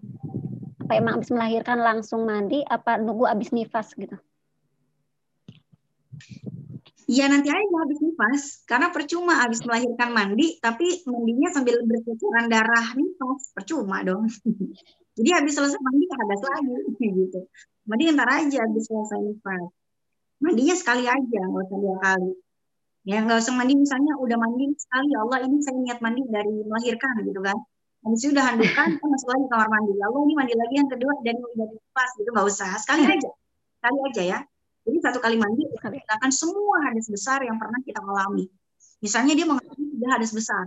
Begitu udah mau melahirkan, dia berhubungan badan sama suaminya. Habis berhubungan badan, kontraksi dia. Langsung ke rumah sakit, brojol anaknya. Ini fast gitu kan. Berarti ada tiga hadas besar itu berurutan. Berhubungan badan, melahirkan, sama nifas. Mandinya berapa kali? Sekali aja lah. Karena apa? Ya Allah, ini saya mandi untuk menghilangkan semua hadas besar yang ada. Ibaratnya hmm. gini teman-teman. Teman-teman wudhu, eh habis wudhu kentut habis kentut sakit perut buang air besar. Pas buang air besar keluar kencing juga. Jadi kentut BAB kencing. Mau sholat wudhunya berapa kali? Sekali. Ya udah sekali aja. Ngapain wudhu berkali kan ya Allah ini wudhu dari pipis ini wudhu dari BAB ini wudhu dari kentut. Gak usah. Oke baik berikutnya. Baik selanjutnya hmm, jika kita berwudu di dalam kamar mandi, sementara di kamar mandi tidak diperbolehkan basmalah, itu gimana Ustaz? Iya, basmalahnya dalam hati aja. Ya, basmalahnya dalam hati, uh, doa, doa membasuh semuanya kan ada doanya itu juga di dalam hati saja. Karena kan kita lagi dalam toilet. Tapi kalau berwudu cuma di keran, depan rumah, keran gitu kan boleh kita bilang bismillah dan lain sebagainya. Tapi kalau wudhunya dalam toilet, dalam hati aja. Basmalah dan doa-doanya. Oke, selanjutnya ini Ustazah. Uh, kita wudhu pakai handuk saja karena habis mandi gimana tuh Ustazah? Boleh apa enggak? Bukan masalah dan enggaknya. Saya akan bahas dari dua, sus, eh, dua sudut pandang ya. Hmm. Kalau dari sudut pandang hukum, selama semua syarat dan rukun dipenuhi, itu kan sah wudhunya. Tadi kan saya sampaikan, yang menjadi parameter sah dan tidaknya wudhu dan mandi besar, itu kan apakah rukunnya dipenuhi atau enggak. Kan gitu. Kalau semua rukunnya dipenuhi, wudhunya pakai niat udah selesai tapi kalau kita lihat eh, kalau kita eh, dari sudut pandang etika dan adab ya kurang etis lah ya. Masa iya berwudhu cuma pakai anduk doang gitu kan? Ya etis kurang etis. Tapi masih mending wudhunya masih pakai handuk loh. Ada yang lagi telanjang bulat habis mandi di bawah shower dia wudhu itu ada. Dia wudhunya sah tapi kurang etis. Kenapa kurang etis? Karena lagi ibadah kok telanjang sih yang gitu ya. Uh, lagian malaikat itu nggak mau mendekati uh, orang yang tidak menutupi kemaluannya. Jadi biar kita biar kita rada-rada sopan dikit mungkin uh, setelah kita gitu, pakai baju sama celana dalam gitu kali ya. Walaupun celana panjang dipakai gitu. Ya biar biar lebih sopan lagi. Tapi kalau misalnya terbiasa pokoknya mau pakai handuk baru pakai baju ya silakan saja. Tetap sah kok. Cuman kurang etis aja gitu. Hmm. Ustazah. Hmm, ini Ustazah. Uh, izin bertanya belakang butek yang mengklaim produknya halal. Dan saya lihat beberapa teman saya menggunakannya. Sebenarnya hukumnya bagaimana untuk produk-produk seperti itu? Apakah aman untuk tetap digunakan di waktu sholat tahu isolatif nggak? Ya sudah. Tahu ya? Kalau saya ambil lakban isolatif, terus saya olesin di kuku saya, ya saya taruhin isolatif lakban. Lakban itu halal nggak? Halal. Halal lah orang saya beli pakai duit saya bukan nyolong, ya kan? Bahan pembuatan lakban suci nggak? Suci lah lakban kalau bilang najis. Dia lakban itu ya suci halal. Saya bet bet bet bet bet di tangan saya, hmm, terus saya wudhu. Sah nggak wudhu saya? Enggak. Kenapa? Karena menghalangi anggota wudhu. That's the point. Itu poinnya nggak penting mau halal mau enggak kalau dia menghalangi sampainya air ke kulit ya nggak sah dong, gitu loh. Jadi kaitannya itu sahnya bukan dia halal, bukan dia suci, halal. Itu adalah kebalikan dari haram, ya. Kuteknya itu haram kalau nyolong di toko orang, ya kan? Kuteknya itu najis kalau dia berbahan najis. Tapi kalau kaitannya dengan sah atau tidak sahnya wudhu, ya tidak hanya halal, tidak hanya suci, tapi wajib untuk bisa tembus air itu poinnya. Jadi kalau kuteknya tidak bisa ditembus oleh air, nggak sah wudhunya. Kalau kuteknya bisa ditembus oleh air, maka sah wudhunya. Tapi emang ada? Kan itu pertanyaannya. Iya. Oke. Selanjutnya Ustazah. Uh, Bismillah saja. Uh, ya Bismillah, yang sedang haid atau hadas besar yang tidak boleh masuk masjid. Lalu kalau kita ikut kajian yang mengharuskan masuk ke area masjid, bagaimana Ustazah? Iya, nggak usah kajian dulu. Kajiannya online aja pakai Zoom kayak gini. Atau nonton YouTube. atau minimal di selasarnya gitu kan. Di selasarnya. Tapi memang begini, kita sholat aja yang itu adalah ibadah yang pertama kali dihisap, itu rukun Islam yang kedua, yang kalau tidak melakukannya dan mengingkari kewajibannya itu kita bisa murtad gitu kan? Kalau sampai mengingkari kewajibannya sepenting itu loh sholat itu disuruh disuruh libur dulu loh. Apalagi kajian yang sifatnya tidak darurat. Sebaiknya di stop dulu aja. Apalagi kalau kajiannya itu direkam ya kan? Ini kayak gini nih ini ada tulisan rek. Ah ini berarti di record nih ya kan tinggal minta aja recordnya sama panitia selesai. Tapi kalau zoom kayak begini enak. Kita nggak usah masuk ke dalam masjid. Tapi dalam keadaan darurat boleh haid itu masuk masjid. Darurat ya kan? Misal lagi-lagi ada tanah longsor wah rumahnya basah semua. Eh ada tempat yang nggak kena air banjir masjid. Nah, kita berteduh di situ ya darurat. Atau darurat yang lain misalnya ada seorang ustazah. Udah di udah di apa sih namanya udah dijadwalkan isi pengajian terus uh, apa semua jamaahnya itu udah uh, nggak bisa digantikan oleh orang lain gitu kan. Wah udah panggungnya udah gede banget nih gitu kan. Ya apa boleh buat? Darurat gitu. Tapi masuk ceramah habis ceramah langsung keluar lagi nggak usah hahaha hehe itu sadahnya di situ. Nggak usah pakai foto-foto bersama salaman-salaman segala macam enggak seperlunya saja.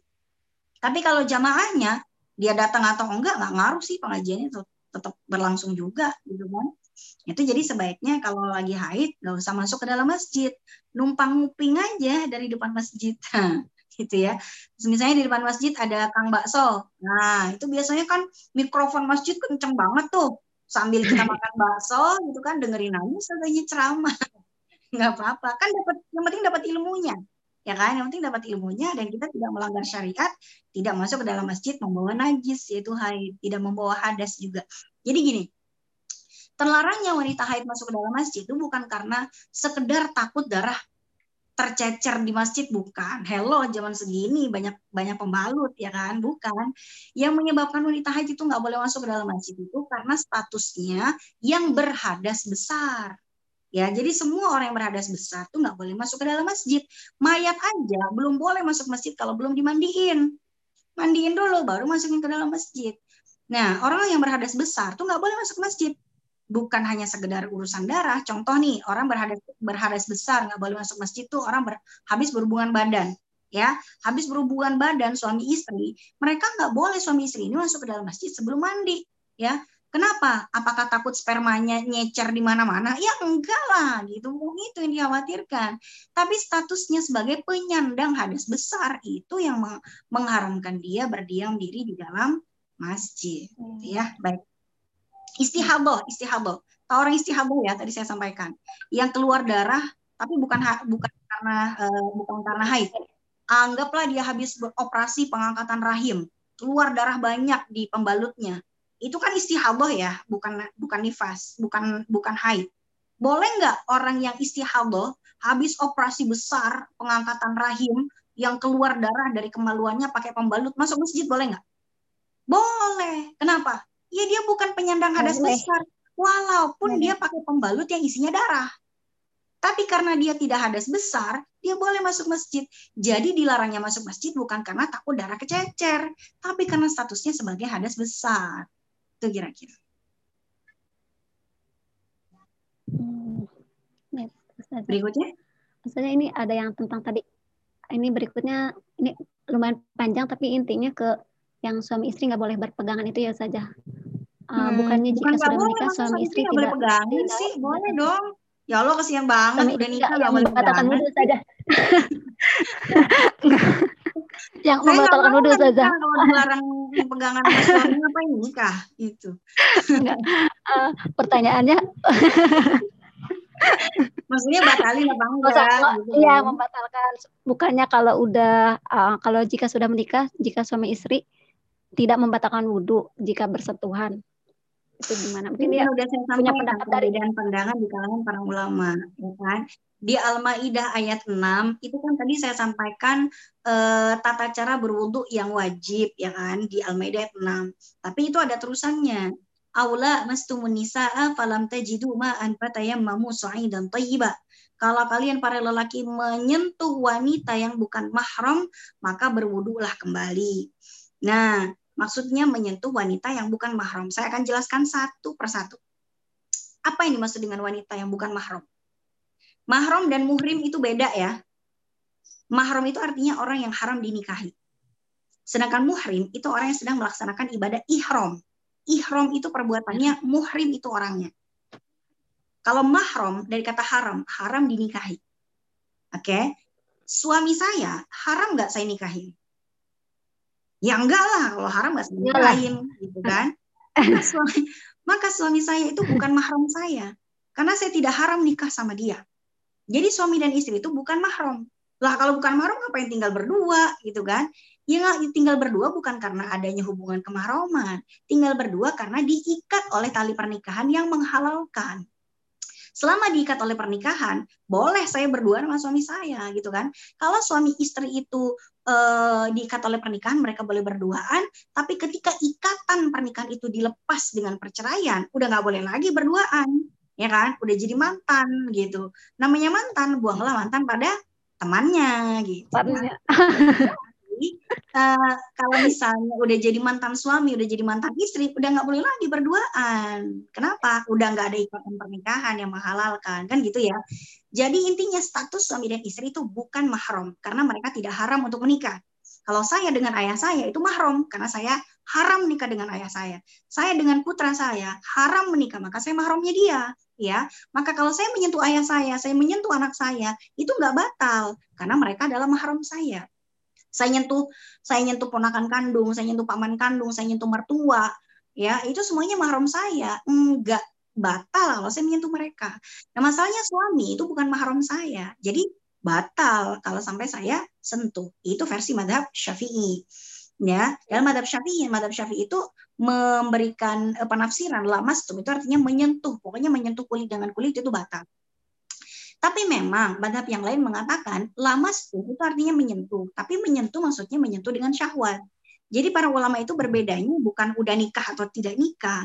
Bedanya penafsiran dari para ulama itu dari kata lamastum. Kata-kata bahasa Arab itu namanya lamastum. Menyentuh. Kalau madhab syafi'i menafsirkannya menyentuh. Pokoknya nyentuh. Mau syahwat kayak mau enggak. Pokoknya nyentuh kulit dengan kulit. Harap apa? Gitu kan? Tapi kalau madhab yang lain seperti madhab Hanafi, misalnya kata madhab Hanafi, menyentuh di situ bukan nyolek, tapi berhubungan badan. Kalau cuma nyoel gini doang nggak batal, tapi kalau sampai berhubungan badan itu yang batalkan. Tapi kalau versi madhab Maliki dan Hambali, kata Maliki dan Hambali, menyentuh di dalam air maksudnya menyentuh dengan syahwat. Jadi kalau menyentuhnya tanpa syahwat nggak batal. Kalau menyentuhnya dengan syahwat baru dia batal. Nah, jadi di sini para ulama memberikan penafsiran yang berbeda-beda sehingga hasil fatwanya beda-beda. Nggak ada kaitannya udah nikah atau belum, ya. Nggak ada kaitannya udah nikah atau belum, gitu loh. Jadi kaitannya nyentuhnya pakai syahwat atau enggak. Nah, itu kata madhab hambali, kalau enggak, walaupun itu nyentuhnya suami orang, bukan suami sendiri ya, nggak ada kaitannya uh, udah nikah atau belum nih. Saya misalnya nyentuh suami orang, wah ganteng banget nih suami orang, sentuh ah, eh saya syahwat gitu. Ah, kata Madam Hambali sama Malik itu saya batal. Tapi kalau saya nyoel doang gitu ya. Tukang bakso kan suami orang tuh ya, Kang, beli dong. Eh pas dia ngasih kembalian kesan tuh tangan saya. Saya nggak bersyahwat dong, ngapain juga syahwat gitu kan. Nah, kata mata Maliki sama Ambali, nggak batal karena nggak syahwat gitu. Tapi dalam madhab Syafi'i, batal dengan atau tanpa syahwat batal. Pokoknya kulit dengan kulit, uh, batal itu ya. Jadi perbedaan pendapatnya dari kata menyentuhnya tadi. Bukan urusan nikah atau nggak nikah. Karena menikah nggak nggak menyebabkan saya mahram sama suami saya. Tetap aja bukan mahram ya. Yang jadi mahramnya malah bapaknya dia. Bapaknya suami saya yang jadi mahram saya mertua. Tapi suami saya sendiri bukan mahram saya. Orang yang nikah sama dia masa mahram gitu ya. Baik. Berikutnya. Ini agak panjang ya Ustazah. Cerita dulu kayaknya Assalamualaikum Ustazah. Nah, ini banyak banget sih pertanyaan udah puluh Banyak. Masya Allah, saya belum nyampe belum nyetrika. Lalu eh, pembantu saya lagi pulang kampung, dia udah sampai di Jakarta, cuma masih karantina gitu ya. Oh. Hmm, jadi dia belum bisa balik ke sini, masih saya sediain kos-kosan buat dia karantina. Jadi ya saya masih nyuci nyetrika dulu ini. Yaudah. Ini sudah uh, berikutnya saja ya. Oke, okay. sampai 11.30 ya. Iya. uh, saat saya masih kecil. Halo? Mbak Siti Khadijah suaranya? Apa saya yang ngelek nih? Sinyal saya yang bermasalah atau Mbak Siti Khadijah nih? Jamaah sekalian, jamaah. Iya, Ustazah. Mbak Siti kayaknya. Mbak Siti yang hilang. Oh, ada. Mungkin saya baca sendiri ya. Boleh. eh, itu Mbak Siti Khadijah udah kedengeran suaranya. Oke, Mbak Siti tolong oh. dibacain lagi. Oh, tadi hilang ya sudah. Oh. Iya. Dari awal lagi Ustazah? Iya, tadi nge-lag. Oh, enggak. Hmm, saat saya masih kecil, sekitar umur 6 sampai 8 tahun, saya pergi dengan teman-teman keliling kompleks untuk berlebaran. Di salah satu rumah, saya bersalaman dengan nenek dan ternyata di kolong mejanya nenek tersebut ada seekor anjing yang sepertinya anjing tersebut menggigit atau menjilati kaki saya. Saya agak samar-samar mengingatnya karena pas tahu ada anjing saya langsung kabur.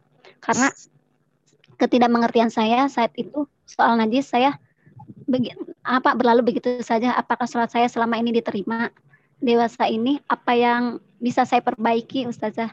Mohon penjelasannya. Ya sudah sih udah lama sejak kapan tahu itu ya kan lagi pula dia juga ragu-ragu udah digigit atau belum. Saya saya malah bertanya-tanya digigit anjing masa nggak inget sih kalau saya mengalaminya? Saya akan ingat selamanya. Kalau misalnya si mbak itu ragu-ragu dia gigit saya nggak ya? Gitu ya. Oh berarti nggak gigit. Digigit anjing itu kayaknya sakit sih kayaknya ya. Akan akan kita ingat seumur hidup. Kalau tidak merasakan itu eh tadi anjingnya gigit saya nggak ya? Ya berarti enggak masih bertanya-tanya berarti enggak gitu ya. Jadi anggap aja tidak menggigit anggap aja tidak menjilat gitu lagian ada di kolong tempat tidur gimana mau menjilat gitu anggap aja enggak al-yaqinu la yazulu bisyak ya al-yaqinu la yazulu bisyak keyakinan kita, ya, misalnya kita tuh antara yakin dan ragu. Keyakinan itu tidak bisa dikalahkan dengan rasa ragu. Yakini saja bahwa si anjing itu tidak menggigit dan tidak menjilat kita. Toh tidak ada bukti yang valid bahwa dia sudah menjilat. Di ujung gamis mbak waktu itu basah nggak? Enggak, ya kan? Merasa ada yang sakit nggak? Enggak, ya berarti kalau nggak ada yang, sakit berarti dia nggak gigit dong. Gitu. Kalau nggak merasa sakit dan tidak merasa ada yang basah di ujung gamis, yakini saja bahwa tidak terjadi peristiwa penggigitan dan penjilatan. Jadi aman. Oke, berikutnya. Baik, berikutnya Assalamualaikum Ustazah. Bagaimana ketika kita berhaji atau ber, atau berumroh tapi kita head apakah apakah itu kita bayar denda atau gimana? Karena tadi kan tawaf tidak diperbolehkan. Uh, kalau umroh itu lebih gampang ya. Karena kalau misalnya teman-teman yang lain lagi pada umroh, kita di kita misalnya lagi haid nih, ya udah kita di hotel aja. Kalau kita suci dari haid, tinggal umroh sendirian kan bisa. Umroh itu hanya bisa dilakukan hanya dengan tiga jam doang kok. Ya, tinggal ke tempat mikot, terus datang Masjidil Haram, tawaf, sa'i, tangan udah selesai umroh, selesai. Cuman kalau pada saat haji, ini yang masalah. Karena pada saat haji itu waktunya terbatas ya. Apalagi tawafnya tawaf ifadah atau ifadah itu kan waktunya sangat terbatas. Habis kita melaksanakan uh, jumroh akobah, itu kan kita akan melaksanakan uh, apa sih namanya itu tawaf ifadah. Kalau kita tidak melaksanakan tawaf ifadah, ya nggak sah haji kita, gitu kan. Uh, dan memang harus bayar denda ya. Harus bayar denda gitu. Tapi salah sah dan tidak sahnya Allah alam makanya sebisa mungkin diantisipasi dengan meminum pil penunda haid bagi orang yang sedang haji. Orang mau umroh juga boleh dia melakukan uh, pil menunda haid dengan berkonsultasi terlebih dahulu dengan siapa dengan bidan, dengan dokter kandungan ya yang lebih tahu uh, kondisi tubuh kita seperti apa. Nanti akan diresepkan pil-pil penunda haid yang chest plan gitu ya kira-kira. Tapi memang tidak semua orang tuh mempan. Saya adalah salah satunya yang nggak mempan dengan pil-pil penunda haid ya. Ketika saya haji tahun kemarin tahun 2019 ya, itu satu tahun sebelum lockdown ya, masya Allah. Masya Allah. Jadi tahun, tahun 2019 saya haji, uh, udah dikasih diresepin uh, sama dokter. Nggak ngaruh saya tetap bleeding ya. Tapi bleedingnya itu istihadah kenapa? Karena ciri-cirinya itu bukan seperti darah haid. Tidak amis darahnya uh, ke darahnya warnanya muda gitu. Jadi istihadah tapi intinya diantisipasi saja dengan berkonsultasi dengan uh, dokter kandungan biar dikasih obat penambah berikutnya? Berikutnya Hmm, kalau lagi bulan Ramadan, berarti mandi janabahnya kapan waktunya? Wajib sebelum niat puasa? Ya. Terima kasih. Mandi jam mandi janabahnya sebisa mungkin sebelum subuh. Bisa mungkin. Niat puasa sebelum niat puasa. Niat puasa itu bisa dilakukan di malam hari. Sebelum mandi janabah nggak apa-apa. Contohnya misalnya darah saya udah berhenti jam 10 malam Terus saya ngantuk banget gitu ya. Tapi saya udah niat ya Allah ini kayaknya darah saya udah berhenti ini. Udah berhenti saya besok mau puasa. Saya niat untuk berpuasa besok karena saya udah selesai nih haidnya. Tapi mau mandinya besok aja deh. Besok aja deh sebelum sahur gitu kan. Sebelum sahur saya mau mandi bah, mau sholat isya, terus sahur uh, gitu ya. Niatnya dalam hati gitu. Dan udah niat berpuasa. Rukun puasa wajib itu kan harus niat dari malam hari. Eh ternyata begitu dia tidur, dia tidur sampai bangun jam setengah lima. Nah, berarti kan udah subuh tuh. Nah, apa harus dia lakukan? Ya udah mandi aja. Habis mandi, dia lanjutkan puasanya saat maghrib. Itu tetap sah. Iya, tetap sah. Tapi kan itu mandinya subuh gitu kan. Ya nggak ada masalah. Walaupun dia mandinya maghrib, puasanya tetap sah. Kenapa? Karena darahnya sudah berhenti dari malam dan darahnya sudah berhenti sejak malam. Kalaupun sampai maghrib dia baru mandi, puasanya tetap sah tapi dia dosa. Kenapa dosa? Berarti dia nggak sholat. Jika subuh, zuhur, asar dia nggak sholat. Kenapa nggak sholat? Ya, karena dia belum mandi. Jadi pentingnya mandi itu hanya agar dia bisa sholat. Ya, makanya segeralah dia sholat ketika dia bangun. Ini pernah kejadian sama Nabi. Cuma penyebab hadas besarnya bukan haid lah orang Nabi laki-laki. Ya, jadi eh, Rasulullah itu di malam hari beliau ber, uh, melakukan hubungan badan dengan salah satu istrinya. Kemudian beliau mandi tapi langsung tidur habis badan dan Nabi terbangun pada saat uh, sudah azan subuh. Apa yang dilakukan? Nabi ketika itu langsung mandi, kemudian mengimam di Masjid Nabawi, kemudian melanjutkan puasanya sampai sampai maghrib. Berarti istri beliau juga melakukan hal yang sama. Tidak mungkin Nabi terbangun subuh, istrinya bangun duluan dan membangunin Nabi, nggak mungkin. Berarti istrinya Nabi juga melakukannya. Baru bangun, mandi, sholat subuh, lanjut puasanya sampai maghrib. Karena melakukan hubungan badannya itu sebelum subuh. Yang nggak boleh lagi puasa, udah masuk subuh, hubungan badan. Nah, itu yang jadi masalah. Atau udah niat puasa, puasa nih, lagi nggak haid ya, suci gitu kan. Udah berpuasa, udah sahur, udah nahan lapar dan dahaga, eh lima menit sebelum azan itu dia yang jadi masalah. Ya, rada rada rada rada rada agak nyesel gimana gitu ya. Ya kenapa saya ngecek ke toilet ya tadi ya? Pasti ngecek ke toilet aja selama maghrib paling gitu nyeselnya. Iya. oke berikutnya. Saya cuma bacakan tinggal beberapa kali ya sudah. Kan sampai sebelas tiga puluh. Ada waktu sepuluh menit hmm. lagi. Iya uh, pertanyaannya masih ada tiga puluhan mungkin nanti buat ini aja di minggu depan Minggu ya, depan masih mau bahas ini atau waktunya bahas yang lain? Saya sih ikut aja. Udah, Kalau udah masih bahas. harus membahas ini 30 pertanyaan bisa habis minggu depan. Tapi eh, kalau minggu depan harus uh, harus tema yang lain ya udah tema lain. Saya ikut aja pokoknya. Ah, oh bahas yang lain katanya. Oke, bahas yang bahas lain. Yang lain uh, Assalamualaikum saja saya Septi dari Batam. Saya mau bertanya, kalau misal lagi hadas besar, masih bolehkah saya membaca Al-Quran tapi via Al-Quran yang di handphone? Kan saya sampaikan tadi, nggak boleh bacanya pakai mulut. Ya silakan aja dilihat di handphonenya, tapi nggak usah bunyi mulutnya. Kan yang nggak boleh baca pakai mulut, pakai pakai suara. Kecuali kalau komat kamit nggak ngeluarin suara. Iya, saya baca nih ya Al-Fatihah. Saya baca Al-Fatihah nggak pakai suara.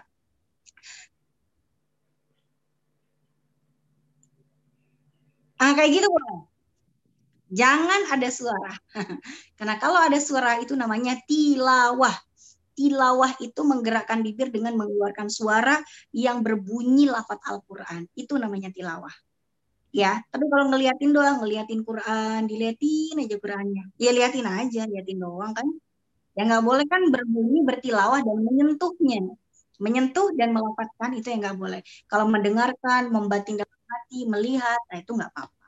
Yang nggak boleh cuma dua, mengeluarkan suara dengan mulut kita dan menyentuh.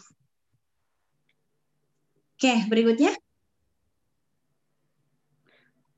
Ini saja kayak pertanyaannya masih sama, cuma dia ada tambahan. Kalau melafazkan walaupun untuk merojaah gimana tuh Ustazah? Kalau merojaah itu nanti berbeda pendapat.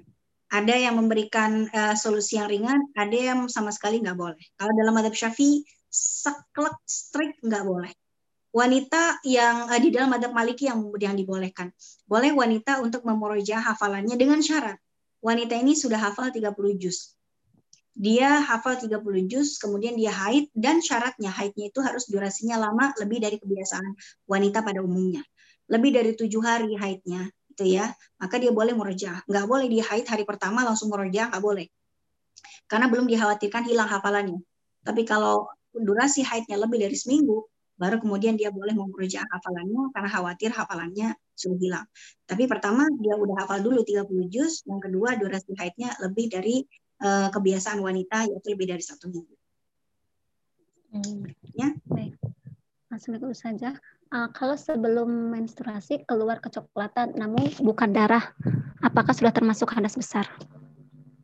Nah, ini agak panjang saya ngejelasinnya ya. Mungkin nanti kita bahas di fikih darawan ya. Ini bisa bisa setengah jam saya ngejelasinnya. Karena iya. bisa jadi bisa jadi haid, bisa jadi enggak, tergantung kondisinya. Kalau itu keluarnya coklat-coklat lalu kemudian diiringi darah keluar, itu bisa jadi permulaannya sejak darah kecoklatan itu. Ya, tapi kalau misalnya cuma coklat-coklat doang, tidak sampai 24 jam sejak hari pertama sampai hari terakhir, itu bukan haid. Hari, misalnya seminggu dia keluar coklat-coklat doang, tapi sehari cuma dua jam. Dua jam, dua jam, dua jam, sampai tujuh hari, berarti kan baru 14 jam. 14 jam itu belum belum haid. Itu istihadah semua seminggu. Kalau dia terlanjur nggak sholat seminggu, ya itu dikodok sholatnya. Oke, okay, baik. Ini Ustazah, hmm, Assalamualaikum. Kalau misalkan membersihkan anak dari hadas kecil dan hadas besar, apakah akan membatalkan wudhu kita? Anak kecil hadas besar kenapa? Anak kecil mah belum pernah ngomongin hadas besar. Kalau buang air besar iya, kalau hadas besar mah enggak. Hadas, buang air besar itu bukan hadas besar. Buang nama airnya air besar. Namanya kan buang air besar. Air besar. Tapi hadasnya hadas kecil atuh ya. Jadi kalau hadas besar tuh keluar mani, anak kecil mah nggak keluar air mani, hubungan badan, anak kecil hubungan badan gimana? Anak kecil haid nifas melahirkan juga enggak. Nah gitu ya, jadi anak kecil nggak ada hadas besar, nah, adanya hadas kecil, iya pipis. Tapi tapi misalnya saya nih nyebokin anak, anak saya lagi buang air, mau airnya air besar, mau airnya air kecil, mau airnya air sedang, pokoknya saya nyebokin aja gitu kan. Apakah saya wajib untuk wudhu lagi apa enggak? Wajib wudhu lagi. Kenapa? Karena ketika saya nyebokin, saya memegang kemaluannya dia. Kata tadi salah satu yang membatalkan wudhu adalah memegang kemaluan. Memegang kemaluan. Kalau saya nyebokin dia, saya peganglah kemaluannya. Kalau enggak, nggak bersih dong, gitu. Kecuali kalau kalau tangan saya saya lapisin pakai sarung tangan latex, ya. Waduh saya nih, saya nggak mau wudhu lagi saya udah dandan mau kondangan gitu kan. Ya anak saya pakai ee gitu kan. Ah saya pakai aja sarung tangan latex. Saya cembokin dia itu saya nggak batal. Kenapa? Karena telapak tangan saya nggak bersentuhan langsung sama kemaluannya dia. Terlapisi dengan sarung tangan. Segitunya. Segitunya. Baik um, uh, selanjutnya ya Ustazah Hmm, Assalamualaikum Ustazah. Saya menstruasi hingga satu bulan lebih karena efek kontrasep kontrasepsi. Bagaimana hukumnya untuk sholat dan membaca Al-Quran? Lalu amalan apa yang bisa dilakukan untuk mengisi masa itu? Masa haid itu? Nggak ada orang haid sebulan. Kalaupun keluar darah sebulan itu bukan haid semua. Nanti ada yang haid, ada yang istihadah. Untuk menentukan mana haid, mana istihadah, saya harus tahu uh, apakah wanita ini adalah wanita mumayyizah yang bisa membedakan warna darahnya, atau wanita ini adalah wanita mu'tadah yang punya kebiasaan haid atau tidak ya. Jadi orang untuk menentukan mana haid, mana istihadah itu harus detail dulu pertanyaannya gitu. Kalau misalnya cuma seperti ini, ibu ini mengalami haid dan istihadah. Cuman berapa lama haidnya, berapa lama istihadahnya, saya belum tahu karena saya belum bertanya langsung terkait jenis warna darahnya dan kebiasaannya seperti apa. Nanti mungkin bisa lah dilanjutkan di fikih darah wanita ya di waktu yang lain. Ini agak panjang bahasannya. Berikutnya. Uh, mungkin satu lagi ya Ustazah. Uh, Assalamualaikum Ustazah izin bertanya, apakah mengumpulkan rambut saat sedang haid itu hukumnya wajib dan apakah wajib rambutnya itu yang rontok itu dimandikan bersama saat saat mandi besar?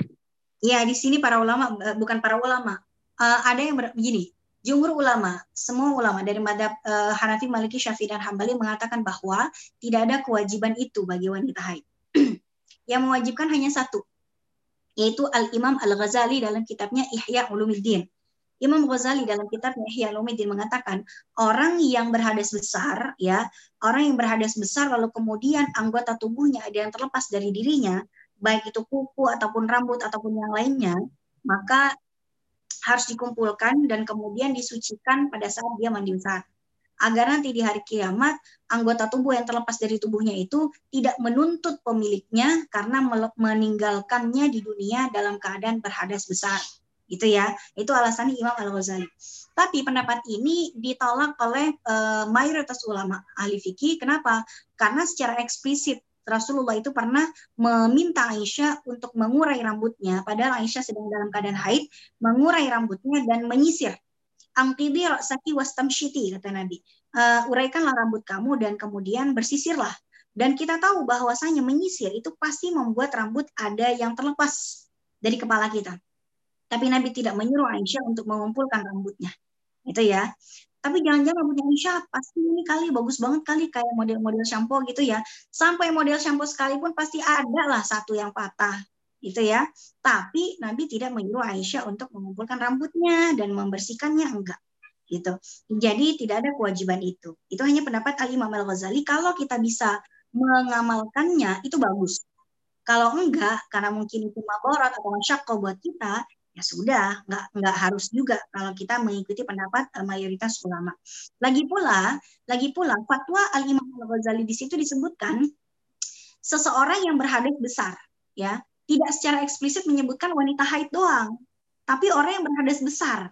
Orang berhadas besar, lalu copot rambutnya, kukunya itu disuruh kumpulin. Dan orang berhadas besar itu nggak cuma wanita haid dan nifas, laki-laki pun habis berhubungan badan itu berhadas besar namanya.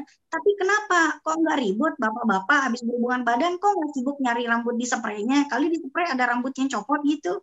Kenapa bapak-bapak nggak pada pusing sih? Kenapa cuma wanita haid yang disuruh dipusingin gitu? Harusnya bapak-bapak juga gitu pak. Habis berhubungan badan bapak cari di spray ada nggak rambutnya gitu. Kalau ada, no dicuci harusnya gitu. Ya intinya kalau misalnya bisa mengamalkan jadi uh, al-khuruj anil khilaf aula. Jadi uh, keluar dari uh, keluar dari perbedaan pendapat itu adalah tindakan yang paling utama.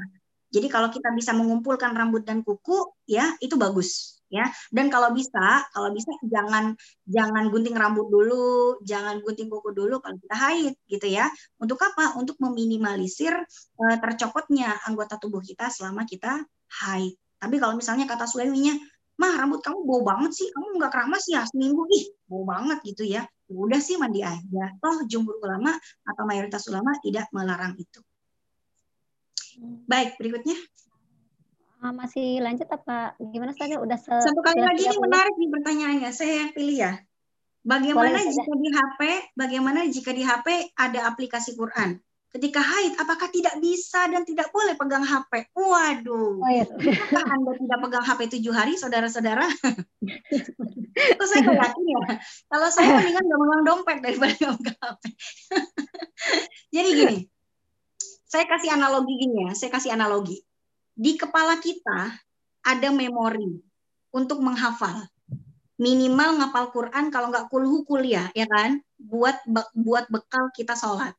Kalau nggak kulhu kuliah ya kan. Teman-teman di sini kalau sholat, kalau saya survei, surat apakah yang paling sering Anda baca dalam sholat? A. Kulhu, B. Kuliah, C. Semua benar. kalau baca semua benar, ah berarti mending. Kadang kulhu, kadang kuliah. Ini kalau kulhu, mulai sampai malaikat bosan gitu ya. Walau bolin, amin, kata malaikat. Ah kulhu tahu, eh, kulhu catat gitu. Saking seringnya kulhu kayak gitu kan. Tapi minimal ada Quran yang kita hafal, walaupun hanya beberapa surat. Pertanyaannya, kalau kita lagi masuk ke toilet, ke kamar mandi, ke kamar mandi kita kan nggak boleh bawa mushaf, ya kan? Pertanyaannya, kalau kita ke toilet, boleh nggak bawa kepala ke dalam toilet? Kan di dalamnya ada hafalan Qurannya. Ayo. Nggak mungkin, nggak mungkin. Jadi teman-teman, di dalam HP itu memang ada aplikasi Quran digital. Tapi kalau misalnya kita lagi haid, uh, boleh nggak kita pegang HP? Boleh, tapi jangan difungsikan sebagai mushaf. Karena fungsi HP itu adalah banyak sebagai alat komunikasi, sebagai uh, nonton drakor gitu ya, sebagai ah macam-macam. Nah, ketika kita haid, jangan pencet Quran digitalnya, jangan fungsikan dia sebagai mushaf. Fungsikan dia sebagaimana mestinya, tapi bukan sebagai sebagai Quran digital, bukan sebagai mushaf. Nanti kita pencet ketika kita udah selesai dari haid gitu ya. Sebagaimana kepala kita bawa ke dalam toilet boleh. Tapi jangan diaktifkan memori hafalannya. Begitu nongkrong gitu ya begitu nongkrong dalam toilet murojaah. Nah itu nggak boleh. Murojaahnya ntar kalau udah keluar dari toilet kan gitu. Kepala fungsikan sebagaimana mestinya sebagai apa? Ya sebagai anggota tubuh biasa gitu. Jangan difungsikan sebagai memori yang aktif untuk menghafalkan Al-Quran. Sesuaikan dengan fungsinya. Oke baik baik Uh, uh, udah itu aja saja. Iya, Apa mau nambah lagi? Ini, aduh. iya, udah tiga tiga. Anak saya belum saya masak. makan siang. uh, mungkin uh, Ustazah mau ngasih ini dulu. Uh, terakhir. konklusi ya. Iya. iya. Sebelumnya teman-teman semuanya ini masih ada 33 lagi pertanyaan, tapi karena waktu yang memisahkan kita itu ya, Uh, mohon maaf belum bisa saya jawab semuanya. Kalau misalnya di minggu depan uh, pengurus uh, ingin memberikan jeda waktu dulu untuk menjawab ini, saya akan jawab. Tapi kalau kata pengurus, masuk tema yang lain aja salah soal yang nanya kemarin, biarin aja salah sendiri kenapa nanyanya belakangan kan gitu ya. Pokoknya saya ikut aja apa kata pengurus, sami anda apa kena itu ya. Potong aja, suruh ngomong yang lain, ngomong yang lain, suruh ngomong ini lanjutin, saya lanjutin. Tapi intinya alhamdulillah kali ini kita sudah belajar tentang wudhu, mandi janabah dan segala macam permasalahan di dalamnya. Mudah-mudahan Allah uh, memberikan taufik buat kita agar kita bisa melaksanakannya, mengamalkannya dan menerima semua amal ibadah kita ya dan mencatatkan kita sebagai minas salihin sebagai hamba Allah yang salih dengan salihah Uh, bagi yang teman-teman yang sudah menikah, semoga diberikan sakinah wa rahmah. Yang belum menikah, semoga didatangkan jodohnya segera pada waktunya dengan orang yang tepat, yang soleh, yang mapan, yang kalau perlu ganteng ya. Amin ya rabbal alamin. Jadi kita uh, tutup kajian kita dengan sama-sama baca doa sambil mengirimkan surat Al-Fatihah bagi saudara-saudari kita yang tertimpa musibah baik meninggal karena COVID-19, karena uh, kecelakaan tragis Sriwijaya, karena tanah longsor, gempa bumi, apalagi ya kemarin uh, banjir bandang, banyak sekali yang menimpa saudara-saudara kita sebangsa dan setanah air uh, khususnya uh, para kaum muslimin kita uh, haturkan doa kepada kepada Allah Subhanahu wa taala semoga Allah menerima amal ibadah mereka dan mengampuni dosa-dosanya dan menjadikan ketabahan menurunkan ketabahan ke hati keluarga yang ditinggalkan. Amin amin ya rabbal alamin. Begitu juga kita kirimkan pahala Fatihah kita kepada para ulama yang telah mendahului kita. Uh, salah satunya adalah Syekh uh, Ali Jabir ya, masya Allah saya ngefans banget sama akhlaknya beliau ya. Kita kirimkan Fatihah, semoga Allah Subhanahu Wa Taala mencatat mereka minas siddiqin wal auliya. Amin ya rabbal alamin. Ala hadhihi wa likulli niyatin salihah ila hadratin Nabi Mustafa Muhammad sallallahu alaihi wasallam al-Fatihah. أعوذ بالله من الشيطان الرجيم. بسم الله الرحمن الرحيم. الحمد لله رب العالمين. الرحمن الرحيم. مالك يوم الدين. إياك نعبد وإياك نستعين. اهدنا الصراط المستقيم. صراط الذين أنعمت عليهم غير المغضوب عليهم ولا الضالين. آمين. آمين. آمين يا رب العالمين. بسم الله الرحمن الرحيم. حمدا يوافي نعمه ويكافئ مزيده. يا ربنا لك الحمد كما ينبغي لجلال وجهك الكريم ولعظيم سلطانك. ربنا تقبل منا صلاتنا وصيامنا وركوعنا وسجودنا وتخشعنا وتضرعنا وتمم تقصيرنا يا الله يا أرحم الراحمين. ربنا انفعنا بما علمتنا وعلمنا ما ينفعنا وارزقنا علوما تنفعنا. اللهم إنا نعوذ بك من علم لا ينفع ومن قلب لا يخشى ومن عمل لا يرفع ومن نفس لا تشبع إنك على كل شيء قدير. اللهم إنا نعوذ بك من الجذام والبراس من سيء الأسقام إنك على شيء قدير. اللهم ربنا هب لنا من أزواجنا وذرياتنا قرة أعين واجعلنا للمتقين إماما. اللهم أعنا على ذكرك وشكرك وحسن عبادتك. اللهم اكفنا بحلالك عن حرامك وبطاعتك عن معصيتك وبفضلك عمن سواك. ربنا آتنا في الدنيا حسنة وفي الآخرة حسنة وقنا عذاب النار. سبحان ربك رب العزة عما يصفون وسلام على المرسلين والحمد لله رب العالمين. Amin amin ya rabbal alamin. Mohon maaf atas segala salah dan khilaf. Billahi taufiq hidayah. Assalamualaikum warahmatullahi wabarakatuh.